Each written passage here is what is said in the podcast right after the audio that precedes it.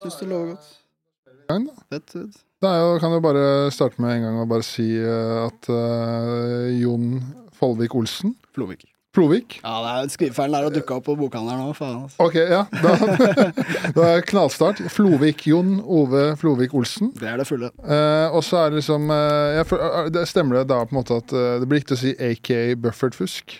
Ja, det kan du si. Jeg Ja. pleide å være litt sånn anonym, men det har jeg bare slutta med. Så Ja. ja. Fordi det var jævlig gøy når eh, jeg snakka med en del komikere at jeg skulle ha deg på podkasten. Mm. Og da var det en komiker som sa 'Hvem er det?' Og så sa tror jeg Jonis at det er Buffert. Og bare, er det Buffert? Ja. Og så ble det sånn der, for det var sånn tydelig at de, de hadde følt, vært veldig med deg på, på Twitter og fulgt med deg der. Så var det sånn der, faen, er det Buffert? Så jævlig fett. Det er sykt hyggelig. Det, er, det, er en, det er en brand der, ass. Ja, veldig. Holdt på Twitter siden 2009 og har vært ganske aktiv, så det, det er litt derfor jeg ikke orker å være anonym lenger, fordi det blir så spredt ut, da. Ja, altså, ja. jeg, jeg blir litt usynlig. Men eh, det er jævlig hyggelig. Jeg elsker jo komikere, egentlig. Ja. Det var jo sånn, sånn jeg traff deg også, etter, etter et show første gangen for et par, par uker siden. Det var Ja. kjempehyggelig. Det var det, ass. Eh, Men eh, kan ikke liksom for det eh, For de som kanskje ikke vet hvem du er, da. Mm. Kan du liksom gi en sånn introduksjon av deg selv og fortelle litt hva du har gjort og hva du driver med og sånn? Ja, ja, ja. Er du gæren. Jeg er øh, Av utdanning så er jeg samfunnsviter. Har en tverrfaglig bachelor og master i religion og samfunn, som da er Ja, det er jo veldig tverrfaglig, da, som du hører. Ja. Men jeg skrev master om uh, rusfeltet, da, og det språket som brukes der. Og jeg jobber jo veldig mye med uh, rus. Um, som samfunnsviter er jeg veldig opptatt av hvordan samfunnet håndterer ting. Jeg er veldig gira på kulturbiten. og jeg syns jo måten samfunnet håndterer rus er, er ganske dårlig i Norge. Kanskje omtrent så dårlig som det kunne vært. Mm. Kunne kanskje gitt folk dødsstraff og sånn, men ellers er det så ille som det verste vi kunne gjort, omtrent da. Og så er jeg, ja hva skal jeg ellers si, jeg er 38 år, jeg har vokst opp i Bærum. Um, gammel graffitimaler, jeg hadde også foredrag om det. Jeg driver og jobber litt som guide i min hjemby Sandvika, snakker om det. Og så har jeg vært med, å, vært med å starte, eller ja, eh, styremedlem i Foreningen tryggere ruspolitikk, Ja. stifta 2016.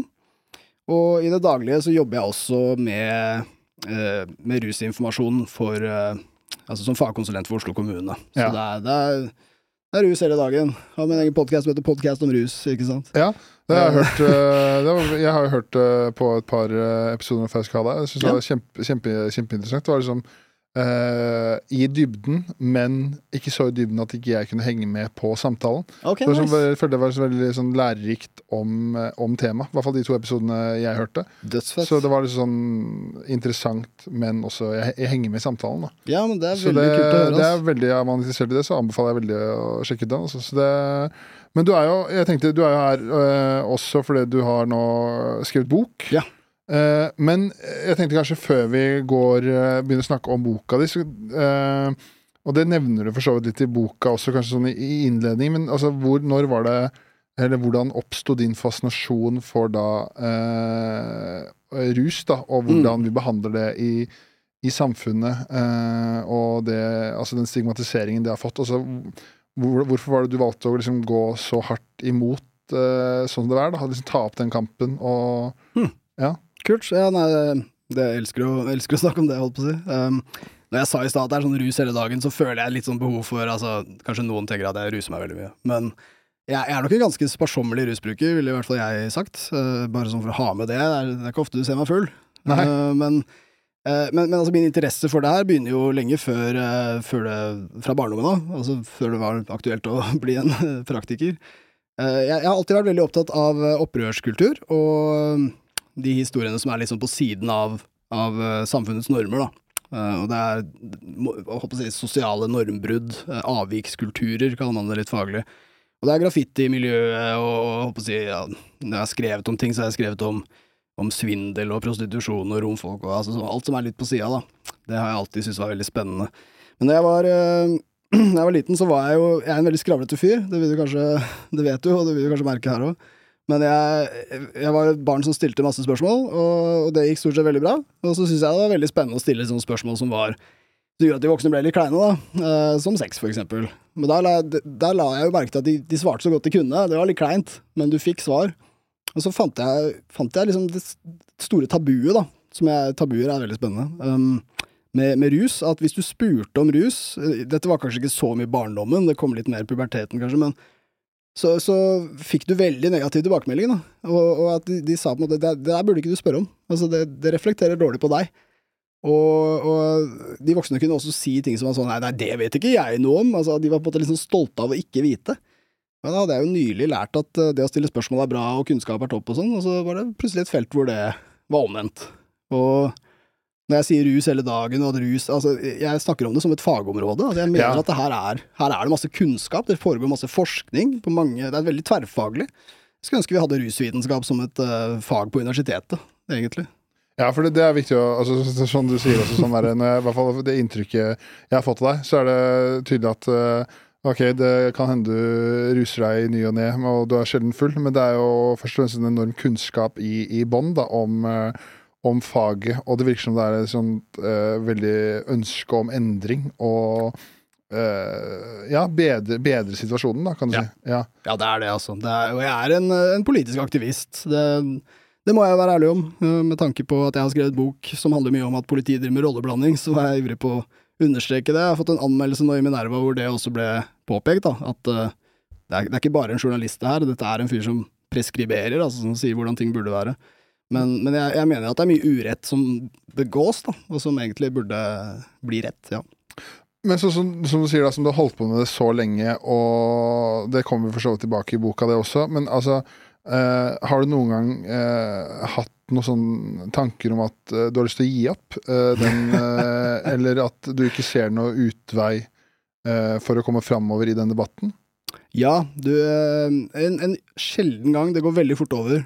Men eh, ehm, jeg, jeg merker andre si det veldig ofte i rusdebatten, at, at de, trenger en pause fra å si Twitter, eller Det kan ha litt å gjøre med hvordan det går med Twitter om dagen, da. men altså uh, at- folk er frustrert over at det ikke går fortere, da.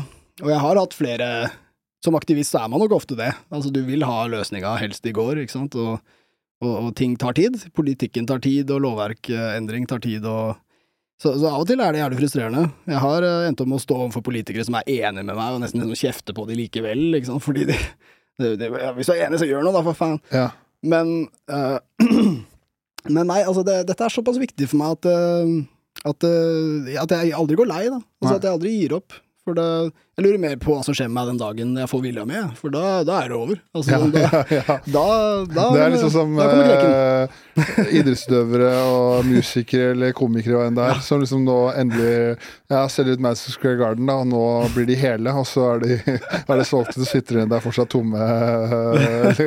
Jeg håper ikke det blir sånn, da, men det er den klassiske historien, eh, historien der. Kan skje, kan skje. Men eh, du var litt eh, inne på det eh, liksom du forklarte om barndom og sånn, men har du noe sånn eh, minne av eh, første gang du tenkte at her er det noe som ikke stemmer, at ting er urettferdig? Ehm, ja, ja, det har jeg. Um, har ikke sånn der konkret liksom det første minnet, men jeg Det var egentlig når øh, jeg hadde kompiser som ble, ble litt sånn utstøtt. Altså, de fikk rykte på seg for å være sånne narkofolk, øh, rusfolk, en som driver med rus og sånne betegnelser. Og jeg er såpass gammel, altså jeg nærmer meg 40, at øh, vi hadde jo internett øh, Jeg husker en tid før internett òg, men, men det var ikke så mye informasjon på internett i starten. Det var et veldig søtt opplegg. Mye sånn skoledagbøker. Sånn her er favorittfilmene mine. Her er jeg Sånn var hjemmeside før, da. Eh, men eh, så det var ikke så mye info om rus når jeg var 14-15 år. Jeg hadde noen kompiser som var veldig nysgjerrige. Da. Altså, de ville egentlig bare ha svar på hva, hva er det her for noe, hva er greia? Og det var ingen voksne som ville prate med dem. Og begynte, de voksne begynte å snakke dritt om dem, og begynte å sende rykter om dem. Og da noen av de endte jo Eneste måten de kunne finne ut om rusmidler, var å prøve. Ja. Det, det var ingen andre informasjonskanaler å, å bruke. Det kunne slå opp i leksikon, sto ikke en dritt der. Uh, Erovid var kanskje online, men vi fant det ikke. Og, eh, enkelte av de har det gått dårlig med òg. Noen av de har jo dødd, ikke sant. Så jeg, jeg er litt sånn forbanna over det, da. Jeg føler at det her er Greit at det er en, vanskelig ting, liksom, sånn som andre tabuer med sex og, og vold og liksom eh, Det finnes mye som er vanskelig for voksne å prate om, da, men det, det at de snur flisa og på en måte retter anklagen mot den som spør, det, det har jeg alltid vært litt bitter over, ass. Ja. Så, så nei, rundt sånn 14-15 år så merka jeg at det var kompiser av meg som fikk dårlig rykte blant, blant de voksne, blant foreldrene, blant politiet, og det i mine øyne hadde ikke gjort noe galt, så jeg syns det var veldig urettferdig. Så vil du på en måte si at eh, da for eksempel, eller noen av de eh, vennene du mista, da, Mm. at du mista de pga. At, uh, at, de, at de manglet kunnskap om rus, da. Så de eh, tok da, brukte seg selv som prøvekaniner, og så gikk det da åpenbart ikke Mm. bra med alle. Men du mener på en måte det kunne vært forhindra hvis eh, de voksne hadde vært mer åpne og ærlige og faktisk informert istedenfor å begynne å dømme? Ja, jeg gjør det. Og det er ikke på en måte Det er ikke min mening å, å hinte om at de voksne liksom tok livet av de eller noe sånt, men det satte dem på en jævlig dårlig kurs, da. Og, og også det å bare bli utstøtt fordi, for noe som igjen jeg mener var naturlig, og liksom være nysgjerrig på alt. Um, at, de, at de fikk liksom et stigma knytta til seg som de ikke ble kvitt og sånn, det, det bidro veldig til at det gikk dårlig med enkelte av de. Og, og det kunne så lett vært avverga, da, hvis folk var litt mer tolerante og rause og, og sånn. Så så ja, jeg, jeg mener at det var en, en faktor for eh, et par av de som har eh, dødd, ja. Mm. Og det, det, det er- Sånn er det dessverre ennå. Altså, jeg skulle, skulle ønske det ikke var sant, men selv om vi har kommet langt i ruspolitikken og rusdebatten i samfunnet og sånn, så vi har fortsatt ikke blitt vant til, til rus, sånn som vi har blitt vant til andre ting som var litt rart når jeg var ung. Altså si sex, da. Nå er det overalt. Vi er, vi er vant til det. Før var det sjokkerende, ah, og nå er vi mer sånn ja, vi er så vant til det. Ja, det er jo ingen som blir overraska hvis uh, noen har sex på TV, altså på et reality-program eller noe, noe lenger. Nei, Nei. nei.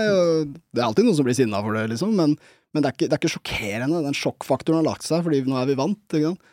Jeg kan eh, bare fra barndommen, eksempel, altså hvis noen var homofil uh, når jeg var yngre, det var ingen av som var liksom sint på det eller noe, men det var, å, det var sånn, å, det var rart, kan ikke du fortelle litt om det? Å, uh, hvordan er det? Liksom.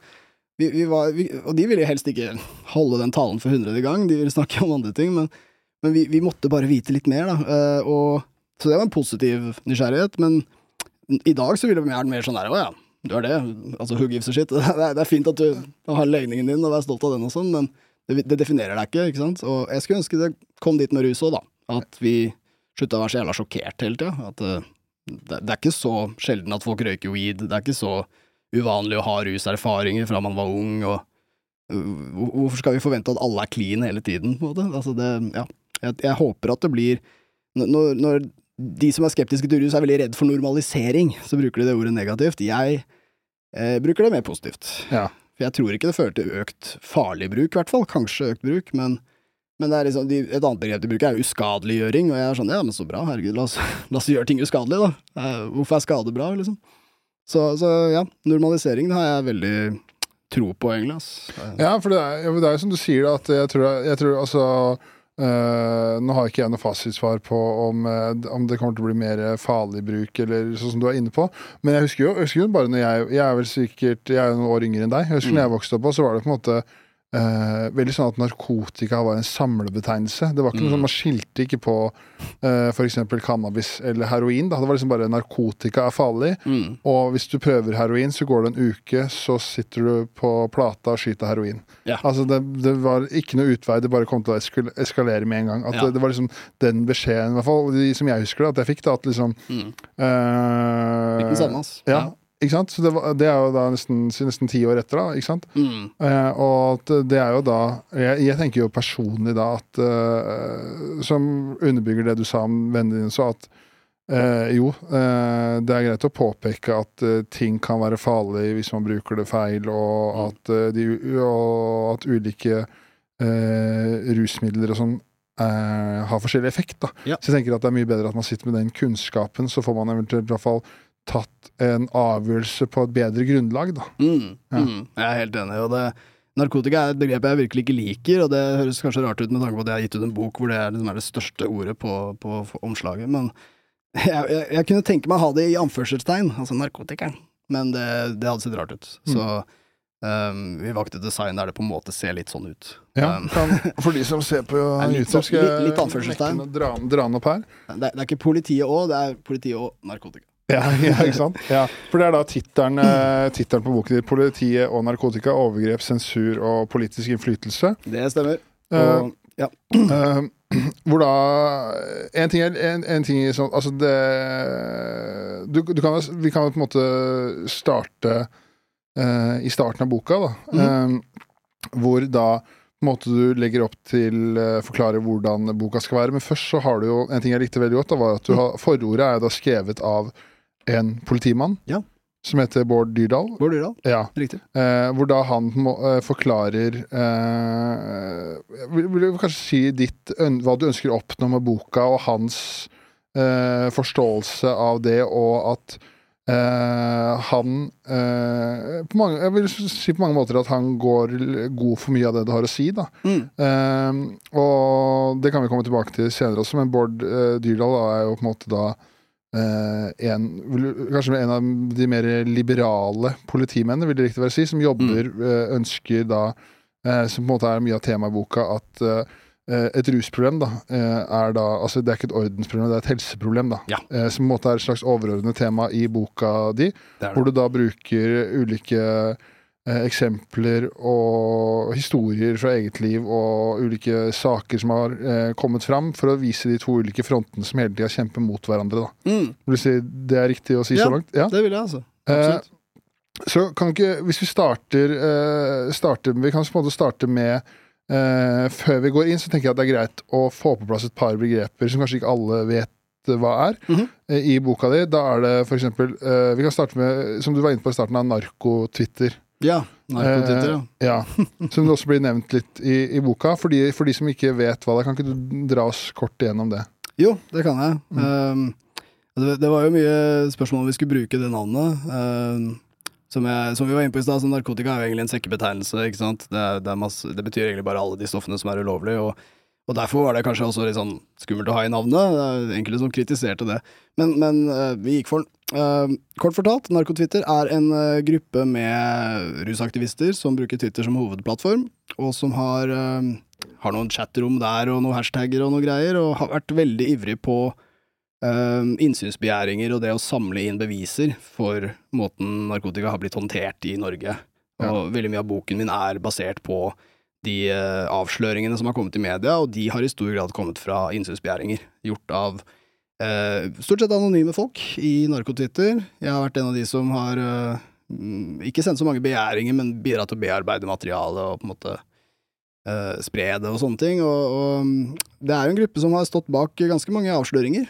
Um, Ja, for det, det føler jeg bare er viktig å, å presisere. At det er på en måte ikke Hmm. eh, en gjeng konspirasjonsteoretikere som sitter og melder ting om politiet. Det er faktisk eh, Man har bedt om altså innsynsbegjæring, som du, eh, Mm. du ser, Ja. og så har de faktisk da eh, bearbeida det materialet de har fått, og så har de faktisk fått eh, ting på plattform i media, fått endring ut ifra det. da Ja. Så jeg føler liksom får gi cred at det faktisk har Mm. vært legit endring på grunn av det. da Ja, Ja. det har det.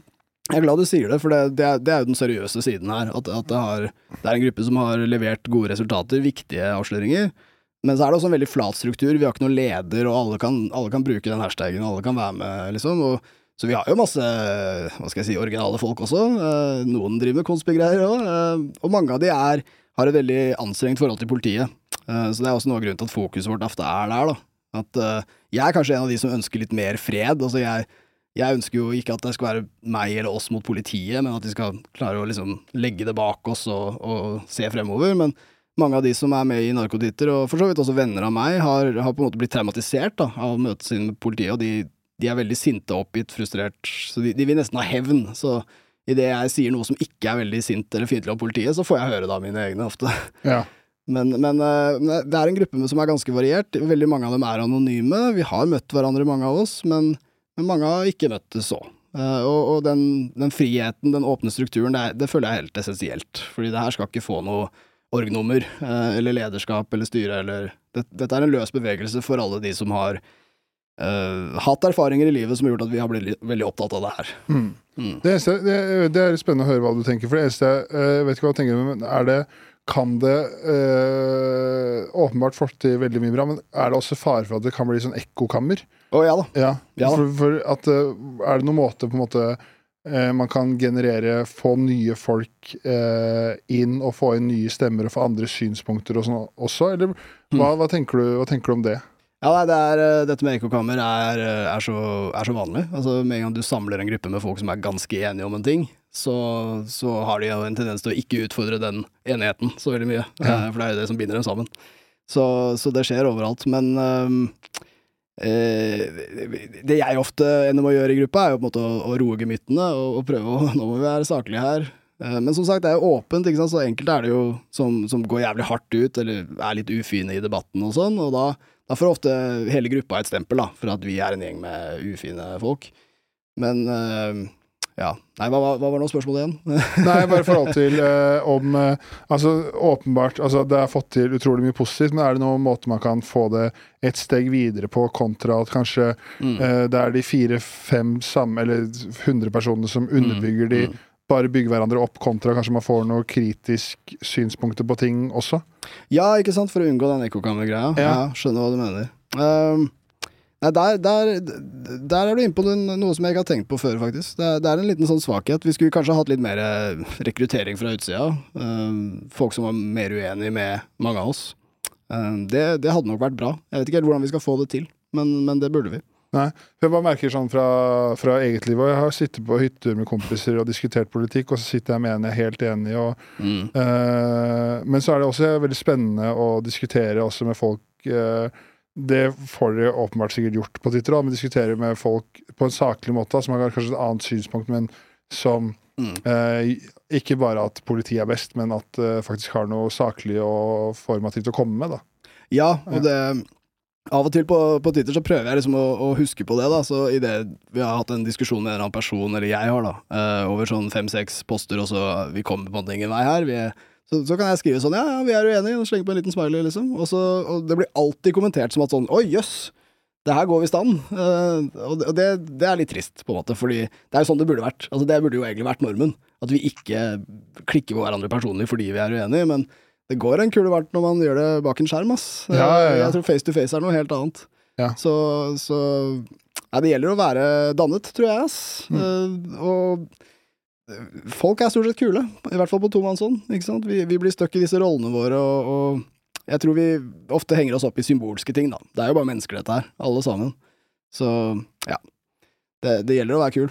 Ja, Det gjelder å forstå jeg, hverandre. Jeg er helt enig. Ja. Jeg syns det er veldig, veldig fornuftig sagt. Ja. Det, uh, og du snakka liksom om at uh, det var en del der som hadde en del negative opplevelser med politiet og sånn i, Mm. i det miljøet. Ja. Uh, og det skriver du jo fint om i, i boka, blant annet du starter med en selvopplevd historie om en.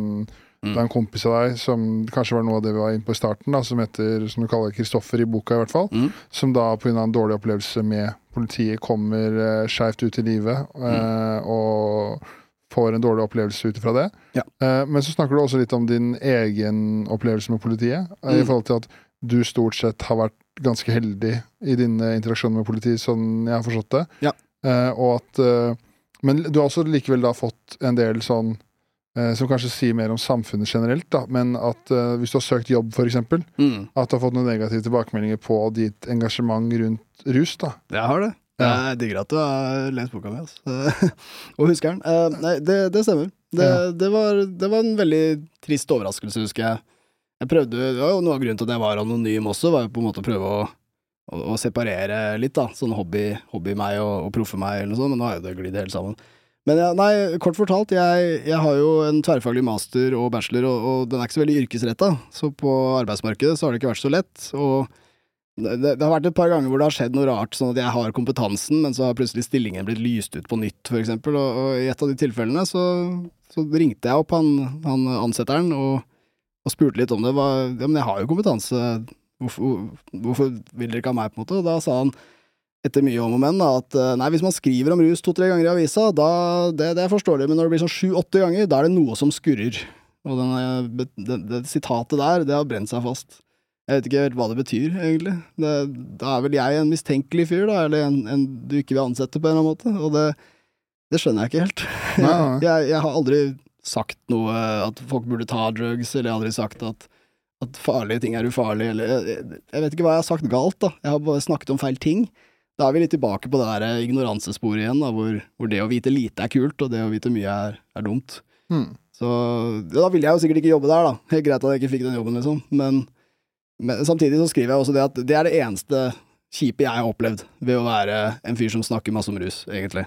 Um, jeg har kompiser som har, det har gått dårligere med. Jeg, jeg, jeg er en del av den etniske minoriteten. Jeg er hvit. Jeg, jeg er stort sett veltalende. Altså det, høy ressurs på mange måter, og det, det gjør at man slipper litt billigere unna, tror jeg. Ja. Det, det, det, det, det sier du jo, og snakker jo som i boka, at du nevner da altså personer som ikke er etnisk norske, Ja. som kanskje har hatt det mye vanskeligere. Er, er det på en måte uh, et uh, Man hører jo veldig ofte det at uh, om det kommer til interaksjoner med myndighetene eller jobbsøkning, at det er mye vanskeligere for mennesker som ikke er etnisk eh, norske. Mm. Men du da som åpenbart har venner som på en måte har hatt de opplevelsene, er det noe du kan trekke fram eller eksempel du kan gi på hvordan kanskje en forskjellsbehandling kommer frem?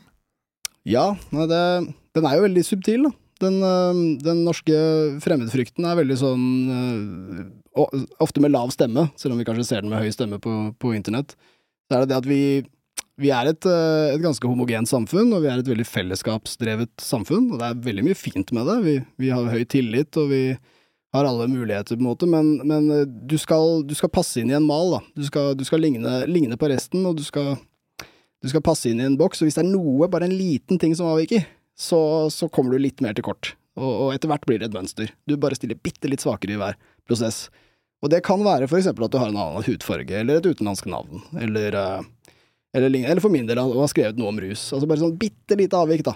Så, så plutselig stiller man svakere enn de andre. Og det, det er veldig uheldig at, at, vi, at vi er så strenge i Norge, tror jeg vi skal si. At, at vi ikke er flinkere til å være litt sånn runde i kantene og chiller'n og lar det gå. For, eh, for, for jeg tror det er der det kommer inn, at vi, vi er sånn fremmedfryktige, da. Alt som er litt sånn ukjent, er skummelt, og, Ja. og derfor negativt. Men egentlig er det ikke sikkert det er negativt. Egentlig kan det hende det kunne vært spennende også. jeg tror kanskje det rett og slett bare er at man eh, At eh, frykt i hvert fall mange tilfeller bunner ut i mangel på kunnskap. da. Ja. At man er redd for ting man ikke vet noe om. Mm. Uh, Absolutt. så sikkert er, sikkert er et eller annet biologisk naturlig ut fra steinalder, et eller annet, uten at jeg vet noe akkurat det. Men det er vel, det er det vel noe, noe der, kan jeg tenke meg. mm. Eh, men en ting er, sånn, hvis vi går da Etter du har da hatt eh, det forordet av uh, Bård Dybdahl, Yeah. så går du over i da rusens historie, da, Ja. i, i boka. Eh, jeg tenker det hadde vært veldig kult og interessant å liksom bare få Hvis du kan liksom gi oss et sånt overordna Mm. bilde av historien. Da. Altså, ikke trenger ikke å dra hele boka, selvfølgelig, men jeg satt og leste, så det var veldig mye ting ikke jeg visste, som jeg også syntes var interessant. da Ja, ja, ja. Mm. ja gjerne. Ehm, det er jo svære linjer, så vi får jo selektere litt her, men mye av, mye av det jeg skriver om, er jo om, om norske forhold. Så det er, det er på en måte den norske ruspolitikkens historie, kan du kanskje si. Eh, jeg har jo litt med om at liksom, mennesker har trolig rusa seg uh, siden tidenes morgen, og vi, og vi fortsetter bare også. Altså, du finner ikke en kultur på kloden hvor Kanskje unntatt sånn inuittene og de som bor der hvor det bare er is. De, de, de, de lever ganske sånn rusfritt. Ja. Det, og det overraska meg, Ja. egentlig. Altså At de ikke driver og snurrer rundt og gjør seg selv svimle, eller altså et eller annet, men det ser ikke sånn ut.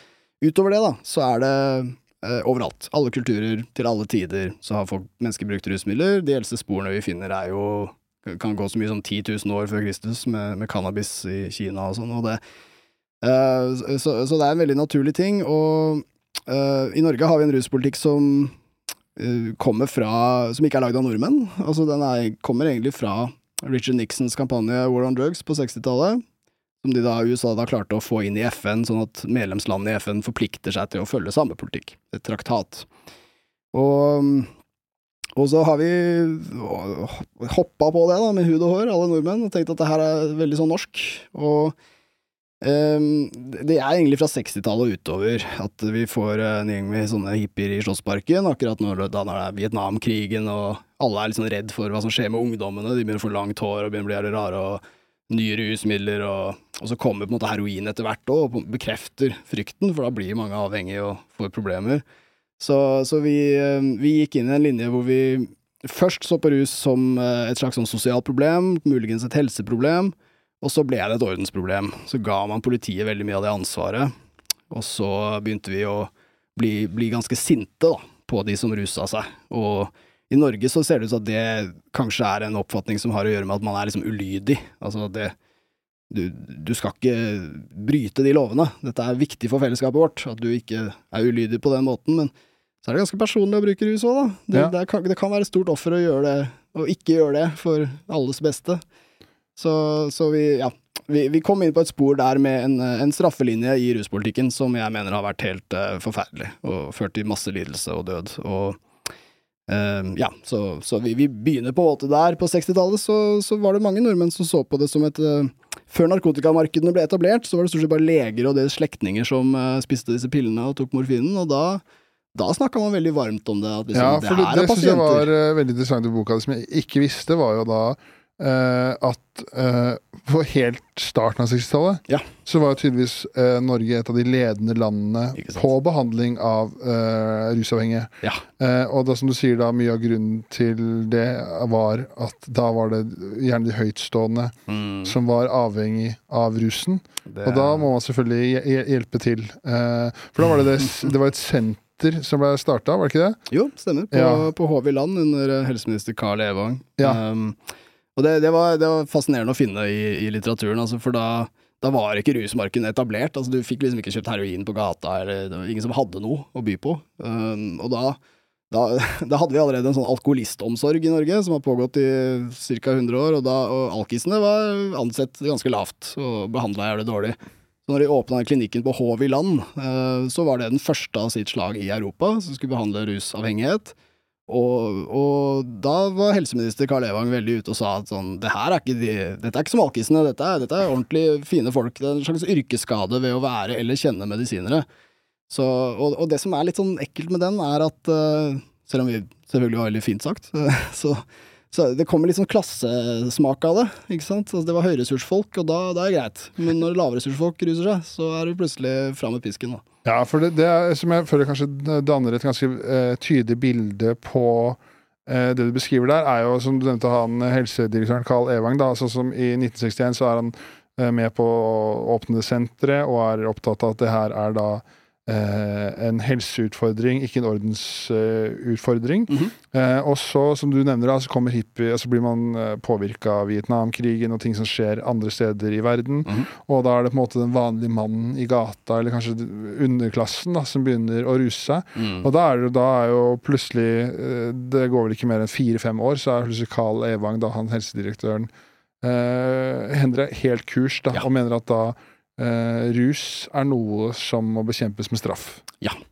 Det, det stemmer. Det er kult at du eh, Jeg digger researchen, mann. Eh, du minner meg på viktige, gode ting eh, jeg har skrevet i boka mi. ja, ja, ja. Eh, Men det stemmer. Altså, det, det, jeg- I Norge, så på grunn av at vi er et sånt fellesskapstenkende samfunn, så, så tror jeg også det, det kan i hvert fall litt forklare hvorfor vi har veldig tro på straff da, som virkemiddel. Jeg tenker at ved straff, så da, da, det er en veldig kraftig reaksjon, og det er det. Det vil funke. Eh, og det begynte å bli ganske ille på 60-tallet. Altså det, det gikk dårlig. Det, det spredde seg. Husk at det var helt nytt, så, så på den tida var jo ti overdosedødsfall i året det var mye. I år så vil vi si at 300 er mye. Uh, men, men da de, de ville slå hardt ned på det, og norske politikere var, var, bidro veldig til det. Det var ingen forståelse på Stortinget. De har sagt mye stygt om rusbrukere gjennom tida. Skulle sende dem til Svalbard, og det var ut av landet med det, liksom. Og, ja, det sa jeg var trusler om at uh, forslag om at er man rusbruker, så må man sendes ut av landet. Ja, Ja. Altså, det fins ikke en streng nok straff, liksom. Og, og da Resultatene var jo helt forferdelige. altså Gjennom 60-tallet, fra vi fikk disse lovene og langt ut på 80-tallet, så var det massiv økning i både bruk, kjøp, salg og død. Uh, så, så kan aldri, jeg kan aldri hevde at straffepolitikken har gått bra, eller levert de resultatene den skulle. Målet var egentlig at vi skulle blitt kvitt narkotika, men nå er det til salgs i alle norske byer, så det gikk jo ikke så bra. Men eh, på 80-tallet så begynte vi for første gang i Norge med sprøyteutdeling, eh, for å hindre For da hadde vi en hiv-epidemi som skjedde i hele verden, Europa spesielt da. Og, og da fikk man et dilemma, da, ikke sant. Altså skal man legge til rette for eh, rusbruk med sprøyte ved å gi dem dem? Eh, eller skal man eh, nekte å gi dem sprøyter, og, og trolig oppleve at flere får hiv, og, og på den tiden veldig dødelig sykdom. Så man valgte det rette der. Man valgte å, å drive med skadereduksjon, som eh, det så pent eh, het, og ofte heter ennå. Um, så, så man valgte det rette i det dilemmaet der, men, men der, der ser vi på en måte hvor hard den linja har vært. da, At man, man til og med vurderer å ikke gi eh, helsefremmende tiltak til en del av befolkningen som får en veldig dødelig sykdom veldig fort. Det, det, det vitner litt om hvor ivrige vi var på, på narkokrigen, narkokampen. Ja, for det, Jeg vet ikke hvordan du stiller deg til det, men når jeg satt og leste boka di, så var det sånn eh, Så prøvde jeg liksom å, å øh, forsvare andre siden, da, for å prøve å få to perspektiver på det. Nice. Og så tenkte jeg liksom når, når eh, med en gang narkotika gjør sitt inntog i, i Norge, Mm. og man ikke har hatt noe sånt før og ikke vet hvordan man skal bekjempe det, Ja. så, så kan jeg på en måte til nød forstå at man da tenkte ok, her må det straffes, Mm. eh, her må vi gjøre eh, ekstreme tiltak Mm. for å bli kvitt det problemet så fort som mulig. Yeah. Men det som fascinerer meg så mye, er sånn utover 80-tallet, sånn som du beskriver, Mm. så ser man da at, eh, som du nevner i boka, så er det da en eh, strafferammene for rus, blant annet, da, er en 40-dobling av, Mhm. eh, av, av, av strafferammen. Altså det er maks, eh, maks for du kan få bli blir dømt for eh, i forhold til rus. da. Mm. Men til tross for det så ser man at uh, antallet som bruker det, og overdose likevel øker Mm. parallelt. Og at man da ikke eh, Ikke noen varsellamper går hos myndighetene. Man, eh, greit, kanskje man gir det fem år, da, ser at ikke det fungerer, men det, er jo, det går jo 20 år før det skjer noen ting. Absolutt. Eh, og det var jo, som du sier, eh, nevner òg, at liksom, det var politiet da, kunne, For å bekjempe et rusproblem på 80-tallet, så skulle man eh, bruke vold og banke opp en narkoman og slippe han i skogen i Maridalen. For Mm. at han skulle gå hjem i over en mil, bare for at uh, nå skulle han lære at det her var ikke greit. Det, det stemmer. Det er, det er en del av en sånn tough love-tankegang som, som ikke er, brukes lenger, holdt på å si. Altså, psykologien var, øh, brukte litt tid på å finne ut det der. At, altså, I gamle dager, hvis- du hadde en datter som brukte rus, altså det beste du kan gjøre, er bare sparke henne ut på gata, sånn at du på en måte angrer, og så slutter hun å ruse så kommer hun hjem, og så er alt bra igjen. Ja. Men i dag vet vi at det, er, det, det stemmer jo ikke. Eh, Det er den verste, verste du kunne gjort mot henne. Det reduserer sjansen hennes for å lykkes, ikke sant. Eh, Det er vel oppskriften for uh, et liv i gatene. Ja, Ja. heldigvis vet vi det nå, så selv om det fortsatt skjer, så er det ingen som sier du burde gjøre det. Men vi, vi, for å gå litt tilbake til da vi var, altså denne fremmedfrykten jeg, jeg snakker ikke om innvandring når jeg sier det, jeg snakker om frykten for det ukjente, liksom xenofobi. Og vi, vi som samfunn vi ble stuck på et veldig sånn dårlig spor. Fordi vi, vi ville ikke lære noe om rusmidlene, vi ville bare få de bort, ikke sant. Og, og da, da blei det, ble det sånn fra 60-tallet utover at vi skulle jo bli kvitt det, det skulle bli borte. Så hvorfor skulle vi lære noe om hasj når vi er kvitt dem om, ti år? ikke sant? Det er ikke noe grunn til å lære noe om det. Men så ble vi jo ikke kvitt hasjen, ble ikke kvitt noe av det, og så, og så fortsatte eh, kampen mot narkotika uten at man var nysgjerrig på narkotika. Uten Ja. at man lærte noe om det. At det var faktisk er forskjell på disse stoffene, både når det kommer til risiko, effekt, eh, bruks... eh, på å si, attraktivitet.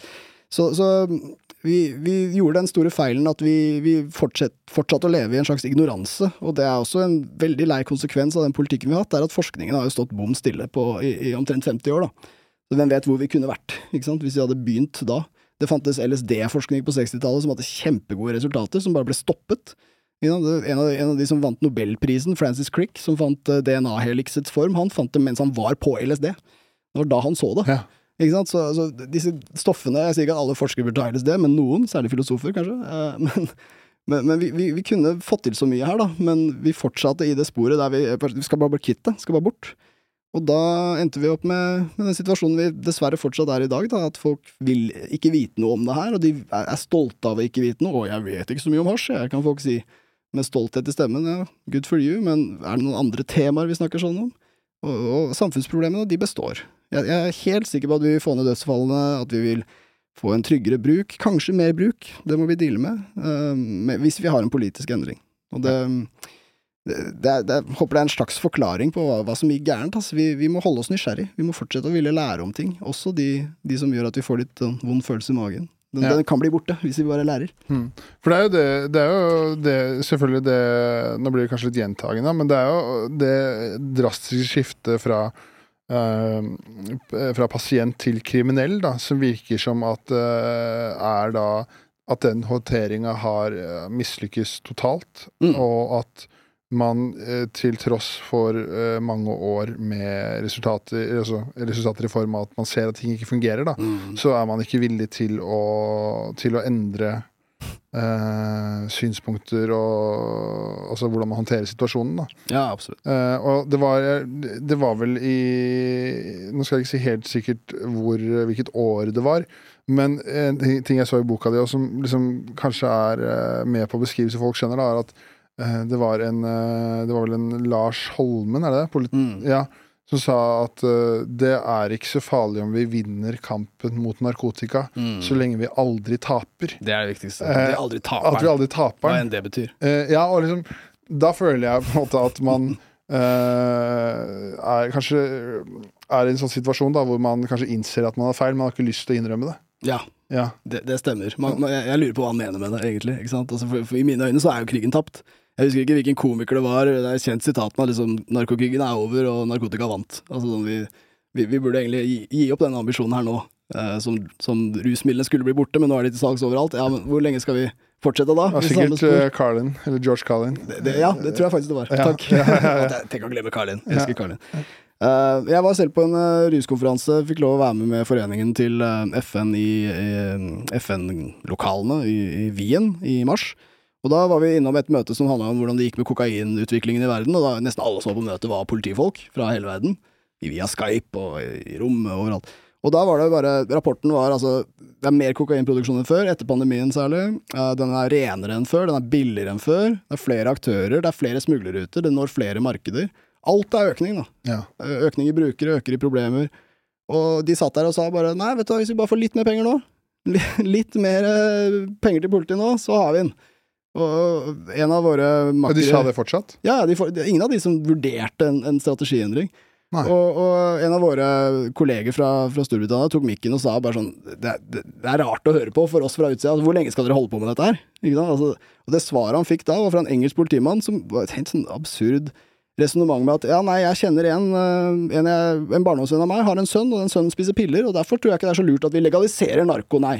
Og så liksom lo de alle i rommet. Og, og liksom, ja, det, jeg tror ikke det blir bedre akkurat. Og det, det er en veldig sterk motvilje til å i det hele tatt vurdere eh, andre strategier enn en den veldig harde forbudslinja. Og for å være litt samfunnsviter, uten å gå for mye i dette her, altså, så er det sånn du kan se det som et sosialt problem, et helseproblem eller et uh, juridisk uh, ordensproblem. Og jeg mener det er et sosialt problem, først og fremst. Hvis du tar mye rusmidler, så kan du bli sosialt rar. Det kan hende du dropper pliktene dine. Hvis du bruker for mye, så kan det gå utover helsa di. Hvis du blir avhengig, da er det et helseproblem. Mens ordensproblem, det er kanskje hvis du la oss si spiser fleinsopp og får psykose og løper naken i gata eller noe sånt, men, men da er vi over på oppførselen og ikke på rusmiddelet. Så jeg, nå, nå er det snakk om at det skal, skal det være et ordensproblem eller et helseproblem. Jeg vil helst at det ses som et sosialt problem. Hvis det i det hele tatt er et problem. Men, øh, men, men det derre justissporet, det gjør at øh, politimyndigheter og andre har blitt veldig vant til at det her er deres jobb, og så vil ikke gi den fra seg. Så ja. Jeg tror Men- øh, det er mye, mye som kunne vært bedre. Ja. Men sånn i forhold til at eh, du vil at det skal være et, eh, eh, et sosialt problem, eh, tror du eh, kanskje noen, i hvert fall noen ville påpekt også at eh, det har jo eh, Kommer an på mengde og ul- hvilke rusmidler du tar, men det er jo åpenbart noen risikoer knytta til helse ved å ta for, for mye rusmidler. Vil du si du er enig i det? Ja, jeg, jeg er det. Jeg er glad du tar tak i det, altså. Absolutt. Men det er, det, det er på en måte neste steg. Altså Hvis det oppstår problemer med rus, så er de, er de først av sosial art, ville jeg nok sagt. Og det, det handler om at Mener du da på en måte at eh, med forhold til sosial art, det, tenker du da kun oppførsel, eller hvordan vi eh, hele, som hele samfunn eh, altså stiller oss til rus, da? Eh, hvis det gir mening. Altså Er det da Mm. et eh, sosialt problem med at forhold til at man ikke vet noe, så man da begynner å dømme folk, eller at man, at man har en veldig sånn eh, Hvis eksempel du sier at du har røyka cannabis, Mm. så får du en stereotype slengt etter deg med en gang. Er det det, eller er det bare oppførsel du tenker da? Nei, nei altså mer på oppførselssida. Det er bra du spør, for jeg sitter og bruker veldig store begreper her, så det, det, det kan tolkes mange veier. Så det er bra å presisere det. Nei, altså jeg tenker sånn, Hvis en person eh, begynner å bruke rusmidler, da, så, så kan jo det gå veldig fint. Hvis den personen bare gjør det når han eller hun skal. ikke sant? Altså sånn På kvelden etter at du har gjort alt du skal, der er det kanskje en lomme med tid hvor du kan røyke en joint eller ta deg et glass vin, eller noe sånt. Der, der passer det. Da trenger du ikke å bli fyllesyk neste dag, kan dra på jobb, gjøre de, de sosiale pliktene du har. ikke sant? Og Da kommer det an på hvor mange du har av de. ikke sant? Hvis du har barn, så har du ikke så jævlig mye tid. Ja, Da burde du ikke bruke så mye rus heller. ikke sant? Så det, er det sosiale rammeverket som på en måte avgjør om det blir et problem eller ikke. Eh, og så er det sosiale arenaer, da, hvor folk stiller opp på fest og blir altfor fulle og oppfører seg rart. Da. Det er et problem. ikke sant? Og, men, men helseproblemene de kommer stort sett, spørs jo hvilket rusmiddel, da, så klart, men, men når du bruker mye, og når du kanskje ellers har en usunn livsstil og sånne ting, da begynner det å bli et helseproblem. Avhengighet uh, er veldig lett å gå på en smell med, og da, da er det et helseproblem, vil jeg si. Ja. Uh, men så er det dette med ordensproblem. Det, det, er, det er en veldig rar forbrytelse å bruke narkotika. Du er både offer og gjerningsmann idet du tar drugs. Så, så da, da lurer jeg litt på hvem, hvem som skal reddes fra hvem, da. Ikke sant? Og, og orden, det er ikke det samme som å slå folk, stjele ting. Det ligner ikke helt. Så, så jeg syns det, det skal være et ordensproblem, det handler bare om at vi er, At vi snakker om et fenomen som vi er redde for og sinte på. Ja. Det er, det er ikke noe det er, ikke, altså, det er et spørsmål, ikke noe kritikk, men sånn eh, vil, vil, vil det være riktig å si at sånn som du snakker om de sosiale utfordringer, sosiale utfordringene, Mm. så hvis man kanskje kommer uh, skeivt ut, som sier, at uh, på et sosialt plan, da, at Mm. man blir rar fordi man bruker for mye rus, mm. eller den biten der, Mm. eh, også kan gjøre at det er større sjanse for at det blir eh, en helseutfordring i form av at man Mm. kanskje da blir mer avhengig, man bruker mer, man mister kanskje kontakt med omverdenen, Mm. eh, som gjør at det blir en slags ond sirkel. da. Ja. Er det, det, ja? Da, da, henger jeg, da henger jeg mye mer med. Det er, det er det jeg gjør. Altså, Ja. fordi vi, vi, La oss si du møter en fyr på fest, og så er han mye mer rusa enn alle de andre. Så er det litt sånn Ja, hvor- hvorfor er han det? Ikke sant? Og da, da kan det hende at han ruser seg ganske ofte. Særlig hvis det dukker opp rus i en, en setting hvor det ikke skal være det. Et sted hvor alle er edru, men så er det én fyr som er rusa. Så er det sånn, ja, men da Trolig gjør han det ganske ofte. Det er ikke sånn at han har vært edru hele uka, men han drakk før foreldremøtet, på en måte. Altså, da, det er trolig et helseproblem. Han, Ja. han gjør det nok litt ofte, han der. Det går nok utover leveren eller, eller hodet hans eller et eller annet. Så så, da, så det er sosialt først. Uh, rus er, kan være gunstig sosialt, alle nordmenn vet det. Drikke litt, da løsner vi snippen og, og sånn. Men så kan det skli ut, og da blir det helseproblem. Men ordensproblem ser jeg egentlig aldri at det er. Det, det, det, det er veldig skummelt å behandle det sånn. Så, så ja, eh, for meg Det har jo å gjøre med at jeg er samfunnsviter òg. For meg er sosialt det er jo veldig mye. Ja, ja, ja. Men Det er mye, som er greit. ja. Liberal samfunnsviter også. Det er, Men en ting som har vært interessant, jeg vet ikke om du snakka om det når du eh, var med til, eh, til FN, FN der, men mm, sånn som når de, de politifolkene da, som snakker fra ulike land og sånn, har den holdningen de viser der, mm. snakker de noe om, snakka, eller snakka dere noe om hvordan de stiller seg, f.eks. at i ulike deler av Europa og i USA og sånn at det blir mer og mer legalisering og, eh, og den biten der, eller hvordan stilte de seg til det, eller snakka dere noe om det? Ja, nei, vi, vi fikk ikke anledning til å snakke så mye på det møtet. Det hadde vært veldig kult å spørre om, om sånne ting. Men, men jeg har fått en liten sånn inntrykk av det via jeg ser jo også på konferanser og, og litt sånn foredrag om dette her, da, faglig sett. Og, og det, man merker veldig fort om den konferansen er arrangert av noen som er Hvilken politisk fløy de liksom tilhører, eller hvilken av de to sidene av debatten, da. De som er veldig positivt til straff, eller ikke. Og, øh, og jeg har merket meg det at det er veldig mye snakk om det, liksom the legalizers. øh, at vi omtales som en slags sånn skummel gruppe. Ja, Det- det, det, er ikke et fint ord. Nei. Nei. Eh, og eh, for mange år siden, det var en gammel komiker, Tommy Chong, uh, Chichen Chong, han, eh, sønnen hans solgte bonger på nettet eh, med hans navn. Jeg tror ansiktet hans var der òg. Uh, og så klarte han å sende, sende en bong til Alabama, hvor de også har eh, forbud mot sexleketøy. Og, og da ble Tommy Chong arrestert. Og da, akkurat som forsnakkelse fra om det var FBI eller hvem det var, men han, han politimannen som står han sa we, we caught one of the biggest legalizers. Altså sånn, det her er en storfisk. Liksom. En av de som påvirker folk til å tro at uh, politiet ikke burde jobbe med drugs. Mm. Og, og det, de, de slåss tilbake, da. Ja. Det, det handler om politiets beste der, altså. Det, eller statens, kanskje. Men, men ikke om, om folkets beste, ikke om, om vitenskapens beste. Nei. Så egeninteressen der, den syns jeg er interessant. For det er jo noe, altså noe jeg syns er fascinerende også, er at man fortsatt er opptatt av det der war on, war on drugs, Ja, som var da eh, som du var inne på tidligere, det er et begrep som liksom kom med Richard Nixon. Mm. Eh, men så er det jo også skummelt å tenke på da at eh, hva, han Om det var visepresidenten til Nixon, eller hva det var, som Mm. kom eh, Som du eh, nevner i boka, som da havnet Han havnet i fengsel, gjorde ikke det? Eh, jo, det er Watergate-greia. Ja, Mm. Water, i Watergate. Og når han kom ut igjen og snakka om hvordan begrepet war on drugs eh, faktisk ble til, Mm. eh, det var vel det at eh, det var eh, to fiender Nixon hadde når han var president i USA. Det var eh, de som var eh, antikrig, Mm. altså hippiebevegelsen. Og da var det liksom et, et mål de hadde om å få media og omverdenen til å liksom koble hippie og de som var mot krig Mm. med cannabis. Og så Mm. var det andre Hans fiender var da altså afroamerikanere, svarte mennesker.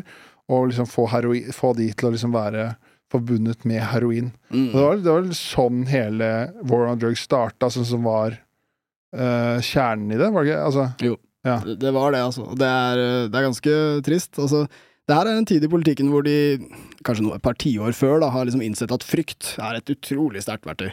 Hvis du klarer å få folk uh, i hvert fall litt redde, så blir de veldig engasjert. Eh, og de blir engasjert i det du sier. Så som politisk verktøy for å få makt, så er frykt kjempenyttig. Det var ikke så mye brukt før. Da var politikere mye søtere, snakka om fine ting. Nå snakker politikere om alt som er så skummelt og ekkelt. Eh, men men eh, narkotikakrigen til Nixon altså det, er, det er et journalistisk skup jeg omtaler. Det er en, fyr som får han i, en journalist som får ham i tale, og han innrømmer at vi gjorde det bare for å, for å få politisk makt, og for å ramme de gruppene som vi anså som fiendene våre. da. Og det var hippier og, og alle minoriteter, egentlig. Men det var jo en fyr som het Harry Anslinger som fikk mye av jobben med å utforme det her for Nixon. Han, han hadde jo, har noen ganske drøye sitater bak seg, altså, som at eh, marihuana får hvite kvinner til å søke selskap med svarte menn. og ikke sant, altså Eh, det var en annen en hvor Ja, det med marihuana, altså navnet marihuana, det er det visstnok han som fant på. Altså Han hadde flere alternativer, men han valgte marihuana fordi det ligner litt på meksikaner. Altså, det var det ordet av de som kan lettest kunne assosiere med Mexico. Ja. Så, så det har vært en plan hele tiden om å bruke eh, befolkningens frykt eh, mot de skumle nye rusmidlene for å knytte det til andre ting politikerne vil at de skal være redd for, Ja. som minoriteter. Og, og det var sånn det begynte. og det er der den norske narkotikapolitikken kommer fra, motstanderne våre i debatten i dag. De er ikke så veldig glad Det er ingen som bruker det begrepet lenger. Ingen som sier 'heia war on drugs'. Eh, enkelte av dem vil si at ja, du kommer slengende med det, men den er jo over. Men da liker jeg å påpeke at eh, loven har ikke blitt endra. Det er den samme loven ennå. Den har vært litt modifisert, de har justert litt her og der, eksempel økt strafferammene, men også økt eh, grensa, botegrensen for cannabis. Den pleide å være 5 gram, nå er den 15 gram. Eh, men ellers er det det samme lovverket. Det, er, det har ikke Rusreformen falt i 2021, og vi har fortsatt det lovverket som er basert på den grusomme rasismen og kampanjen da, til Richard Nixon. Så selv om det føles som ting har endra seg, så, så er vi her ennå. Ja. Fordi, vil du, I boka så tar du liksom eh, oss da på en reise liksom helt eh, Som du var inne på, ja, helt tilbake til rusens russens start. Og så er det liksom sånn de første endringene man ser eh, når det begynner å bli en sånn slags kritikk da mot at uh, den politiske retninga på AFA ikke fungerer. Eh, hvis jeg ikke tar helt feil, så var, da var det på en måte han uh, Andenes? Er det han? ja. Jo Andenes. ja. Mm. Og han er da en av de første kritikerne, er han ikke det? Han er da en uh, jusprofessor. Mm. en av de fremste på straffe, strafferett, er det ikke? Jo. jo. Yeah. Uh, og da han har jo da et sånn kjent sitat hvor han sier at uh, narkotikapolitikken har vært århundrets største feilinvestering av straff. Ja. Eh, og han er da en veldig sånn eh, fremtredende figur fram til han dør på tidlig 2000-tallet. Mm. Eh, men eh, kan du kanskje snakke litt om liksom, hans rolle og hva han som, hva han hadde betydning, da, i og med at han liksom var en av de første kritikerne? Ja, det jeg, jeg må si, altså, jeg, jeg skulle gjerne gjort det Jeg kan ikke så mye om Jo Sandnes, men jeg, kan koble det til ting. Altså, dette er jo en såpass etablert sannhet um, at selv, selv om en veldig sånn profilert aktør, da, sånn som Jo Sandnes, eh, tar tak i det og sier noe annet, så, så selv hans mening vipper ikke denne skåla, denne vekta. Så Willy Pedersen, som i ettertid har vært en veldig flink eh, og viktig stemme i debatten, professor i sosiologi på UiO, han har jo forklart at når han hørte Jo Sandnes si det her, så tenkte han herregud, det er rabla for han, liksom. Og dette er jo den største nestoren i norsk juss, så egentlig er det Alt han sier er riktig, på en måte, men, men med en gang han sa det her, så var det sånn nei, det no fucking way. Og jeg studerte på, på høyskolen i, i Vestfold i hva var det for noe? 2008, 2007 eller 2008, og, og da leste vi en bok som heter Den gode fiende av Nils Christie. Nils Christie er en kjempestor eh, aktør i norsk kriminologi. Han var ganske sånn søt og kanskje også liberal fyr, så enkelte liker han ikke, men han var definitivt prominent, og han skrev en bok som het Den gode fiende, som er gitt ut i 1985, og han er veldig tydelig på samfunnsmekanismen det har, da, å ha noe å peke på som er noe, noe negativt. Men, men jeg husker fra jeg studerte at, at folk satt liksom og lo litt av Nils Kristi. Og sånn der, ja nei, han er kjempeflink faglig, han skriver veldig bra, og sånn. Så vil han at narko skal bli lovlig, da, og det vet vi jo alle at det burde det jo ikke bli. Ja. Og er, vi, vi tar ikke debatten engang, ikke sant. Nei. Og det, uansett hvor kjent du er, så, så er det ingen som hører på deg hvis du sier det her. Nei, nei. Det syns jeg var så, så rart. Og Johs Andenes, så vidt jeg vet, så var han ganske sånn skeptisk før, men han, han fulgte jo veldig med på, på utviklingen, hvordan det gikk med narkokrigen. Og, og, og så at straff øh, For han som jurist, så tror jeg at han har et annet øh, syn på straff enn enn mange i befolkningen, og jeg tror han så at straff bare ikke hjalp, altså at det ikke funka. Så derfor, der er Han så det 30 år med erfaring og se at det ikke hjalp, og så Ja, ikke sant. Ja, han var skeptisk en stund, men det var på sine eldre dager. og ikke, han levde ikke så mange år etter det sitatet. Men jeg, jeg tror det handler om at han så at her gjør ikke straff det det skal gjøre. Nei. Mm. Og da, også, da er det jo sånn der, det, som vi er inne på, Anne som tar den til orde for, eh, for endring. Mm. Eh, og, og så er det det da eh, De første liksom sånn tiltakene Du var inne på de sprøytespissene under hiv-pandemien hiv-pandemien og aids. Mm, mm. Eh, Så er det liksom da første liksom ordentlige tiltak man gjør liksom for å skape en tryggere eh, hverdag for de eh, rusavhengige, er da, er la den Jagland-regjeringen. Mm. Som da, hvis jeg ikke tar helt feil, så er det på boka hvor de tar da et, eh, til orde for et sånt metadonprosjekt. Ja, ja. Ja, som liksom er forløperen til det vi i dag kanskje kjenner som LAR. Da, hvis Ja. det blir, ja? Helt riktig. Eh, men før det så har det vel ikke vært, var det vel ikke noe sånn ønske om eh, å hjelpe eh, rusavhengige eh, før det med no, noe som helst måte. Man er jo nå kjent i dag med at det er sprøyterom, og man har den, Mm. det heroinprosjektet hvor det er mulig å Er det da Du ser ikke det er feil, det er Altså, man kan få på resept, heroin på resept, er det det? Mm. Ja? Ja, nå, vi har eh, heroinassistert behandling nå Ja, på, ja. Ja. på Ullevål sykehus. Ja. Eh, De skulle opp i 100 eh, pasienter som skal komme på sykehus og få heroin der. da. ja, ikke sant? Ja. Vi, vi var, Min forening var en av de som pressa gjennom det prosjektet. Jeg husker de forhandlingene så sa jeg sånn ok, da, vi gjør det, men da, da skal vi følge skikkelig med. Da skal vi samle masse data. Og vi bare ja, så jævlig bra. Herregud. Ja. Takk for at dere gjør det. Vi vet det kommer til å funke, liksom. Men de var Og det er da ditt arbeid med Tryggere, Mm. tryggere Rusforeningen?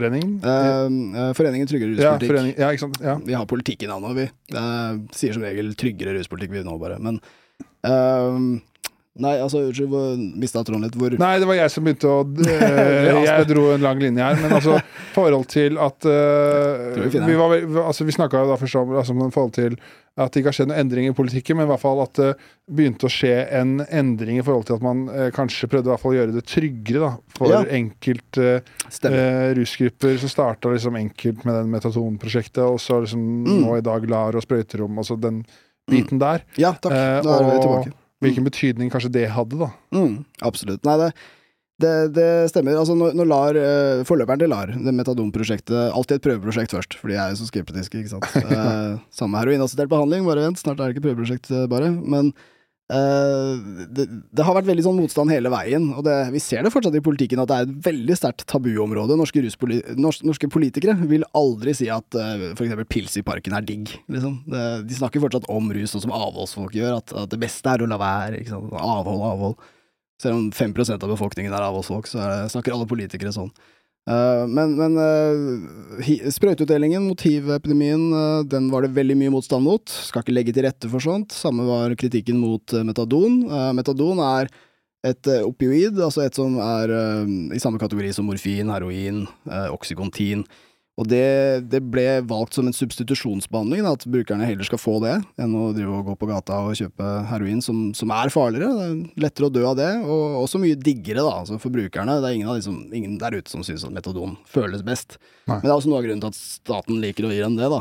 At, at, det skjønner man jo. Altså at de, eh, de De kan få noe, men da skal de få den som ikke er noe gøy, og så skal de liksom fjerne moroa fra det. Ja, Du blir i hvert fall ikke syk. Det er det gøy å si, for jeg hadde jo eh, en av tidligere episoder så hadde jeg Merete Lindstad, som er standup-komiker, men også tidligere heroinist, oh, ja. uh, inne i podkasten hvor hun snakka om Mm. det, det livet der. Og hun sa jo det at uh, noe av det verste hun kunne oppleve, var å liksom bli, omtrent bli redda for en overdose. Ja, ja, ja. At det var liksom ordentlig Da var det liksom De som hadde redda henne, fikk omtrent uh, huet og ræva full av kjeft det- fordi at de hadde tatt bort den rusen Uh, der. Og det, det, sier, det sier veldig mye om, om åssen uh.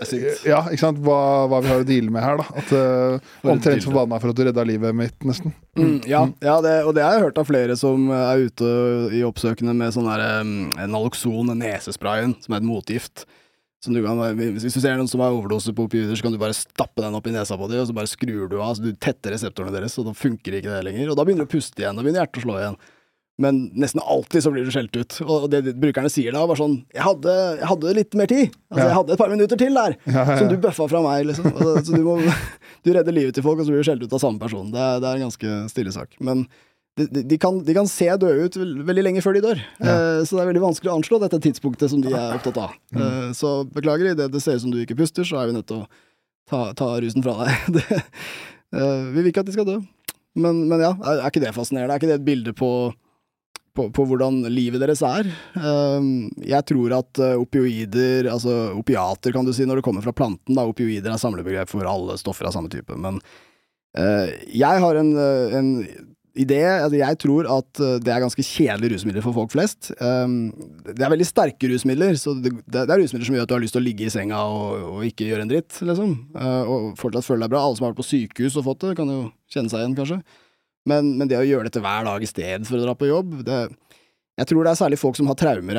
Folk som har det vondt eller noe tøft å bære på. De er veldig sårbare for å bli avhengig av det her. For når du bruker stoff, disse stoffene, så, så, blir det veldig stille i hodet ditt. Hele narrativet om deg selv blir liksom stille. Og hvis du har noe du ikke vil tenke på da, så er det jævlig digg. Da er det veldig befriende. Men, men eh, for, for, meg som har hatt en fin barndom og sånn, eh, så tror jeg at jeg hadde, at jeg hadde kjeda meg litt. Altså. Ja. Mm. Men er det ikke Det er kanskje ikke det samme, men det er vel det begrepet man, eh, som kom fra USA, den derre opioid-epidemikken som, som, var der, som da er mm. uh, Er det, det er, det er, på en måte da to ulike ting, men det, er, det stammer fra det samme, da. Altså det er en opiat, men det er da mm. Det er ikke heroin, men det er noe lignende som kommer fra om det er samme plante, ja. som blir da som, For da var det det, var litt altså det var da uh, på resept som var legemidler som ble skrevet ut ja. i huet og ræva i USA en periode, som gjorde at det var et utrolig stort problem. Og fortsatt mm. er det i dag, er det ikke det? Jo, jo, stemmer det. Mm. Det var markedskreftene i USA som gikk helt ja. ned. Altså, og da var det ikke Det som er gøy, litt interessant, da, ikke mm. gøy, men da var det ikke Den krigen var det ikke så viktig å vinne. Nei, nei, altså så lenge det er alle betaler skatten sin og markedene går bra i USA, så ja. er alt greit som regel. Ja. Da, Selv om folk dør. Ja, for, mm. for, det er jo den evige, evige snakken eh, om uh, hvilken innvirkning uh, legemiddelindustrien har der borte. Og, ja, ikke sant? Det kan jo snakke mm. både for og mot det til i morgen. Men det er jo, det er jo interessant da, at uh, da da var det på en måte ikke så viktig å vinne The War on Drugs på akkurat det punktet der.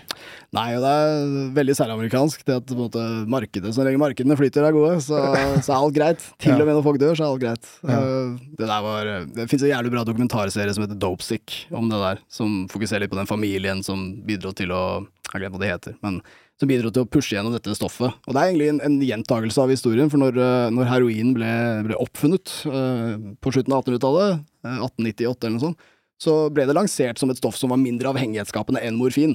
Så du kunne bruke heroin for å slutte med morfin, sa de. Og så gikk det noen uh, år, og så fant de ut at å nei, uh, tilvenningsrisikoen er enorm, og toleransebyggingen også, så, så heroin er, er, verre, eller vel så ille. Ja. Og da forbød man heroin, og da var det allerede mange hundre tusen brukere av det i USA, og de ble den første generasjonen av, av junkier, da. Ja. For før det så hadde de tilgang, men plutselig tok du den fra dem, og så begynte de å gå på gatene, og så fikk vi eh, Skapte vi, da, den første underklassen av, av rusbrukere. Så, så, det samme skjedde med Oxycontin. Altså det ble lansert som et nytt opioid som ikke gjør deg avhengig. Altså et som, et som vil hjelpe. Du vil kunne bli frisk fra, fra sykdommen, og du kan bruke det her til å trappe ned, og så, så er du good. Men uh, det var også løgn. ikke sant? De forfalsket disse rapportene som viste at du blir jævlig avhengig, og så blei folk det. også. måtte de øke og øke dosen, helt til de enten hadde solgt og gitt fra seg alt de eide, eller, eller døde. Ja, Så var det, det andre som ble milliardærer. Og noen uh, fikk nye store hus. Ja. og en yacht. Uh, eller ti, ja. ja. Det er, og det pågår ennå. de har, fikk, en, fikk, en, bot, dette selskapet, men det var jo en hundredel av hva de har tjent. ikke sant? Så ja, ja. det lønte seg, det. Men sånn, eh, som du sa i stad, at vi fortsatt er på en måte i samme klima, eller de samme lovene i hvert fall, da, som mm. tidligere. Mm. Men er du enig i at eh, For den første, altså første rusreformen i Norge blir foreslått i 2004, og så blir det på en måte slått ned med en gang. Det er ikke aktuelt. Ja. Eh, kontra tilbake til 2021, hvor eh, altså Solberg-regjeringens rusreform da blir også, altså også nedstemt. Men mm. eh, man er i hvert fall på eh, kanskje i et klima nå hvor man er nærmere enn noen gang, er det riktig å si? Mm. Eller? Ja, ja, ja, det vil jeg si. Uh, vi var veldig nærme med rusreformen til, uh, til Solberg-regjeringen, som, som, som, jeg opplevde som et veldig sånn kompromiss. Jeg var helt klart for den, men, men var, den mangla masse, mener jeg. Altså, det var ikke alt vi ønsket oss, for å si det mildt. Men uh, den, den, falt jo så vidt, håper jeg. Altså, den falt på grunn av et politisk spill. Vi, vi, hadde valg, den kom opp litt seint, så den det kom liksom på våren, eh, det var der alle skulle ta stilling til det. Og så på høsten så skulle det være valg, og da ble det veldig en kampsak, ikke sant. Og, og siden Arbeiderpartiet sa nei, så for, fordi de ville bygge regjering med de andre nei-partiene, Frp og Sp, så, eh, så, så blei det ikke noe av. Men vi var ganske nære. Og Rusreformutvalget hadde en eh, fantastisk rapport hvor de gikk gjennom alt av vitenskap på feltet, og viste at det fins ikke sikker kunnskap om, om forbruket vil gå opp eh, hvis vi avkriminaliserer. Men det er veldig god vitenskap som viser at dødsfall og problematisk bruk vil gå ned. Og det, det holdt ikke for uh, opposisjonen, som, uh, som, som, fortsatt er på den gamle linja, da. Som ja. tenker at, uh, at, at, alle skal bare slutte. men, men jeg, jeg, har lyst til å påpeke at det er noe litt sånn unormalt med det der.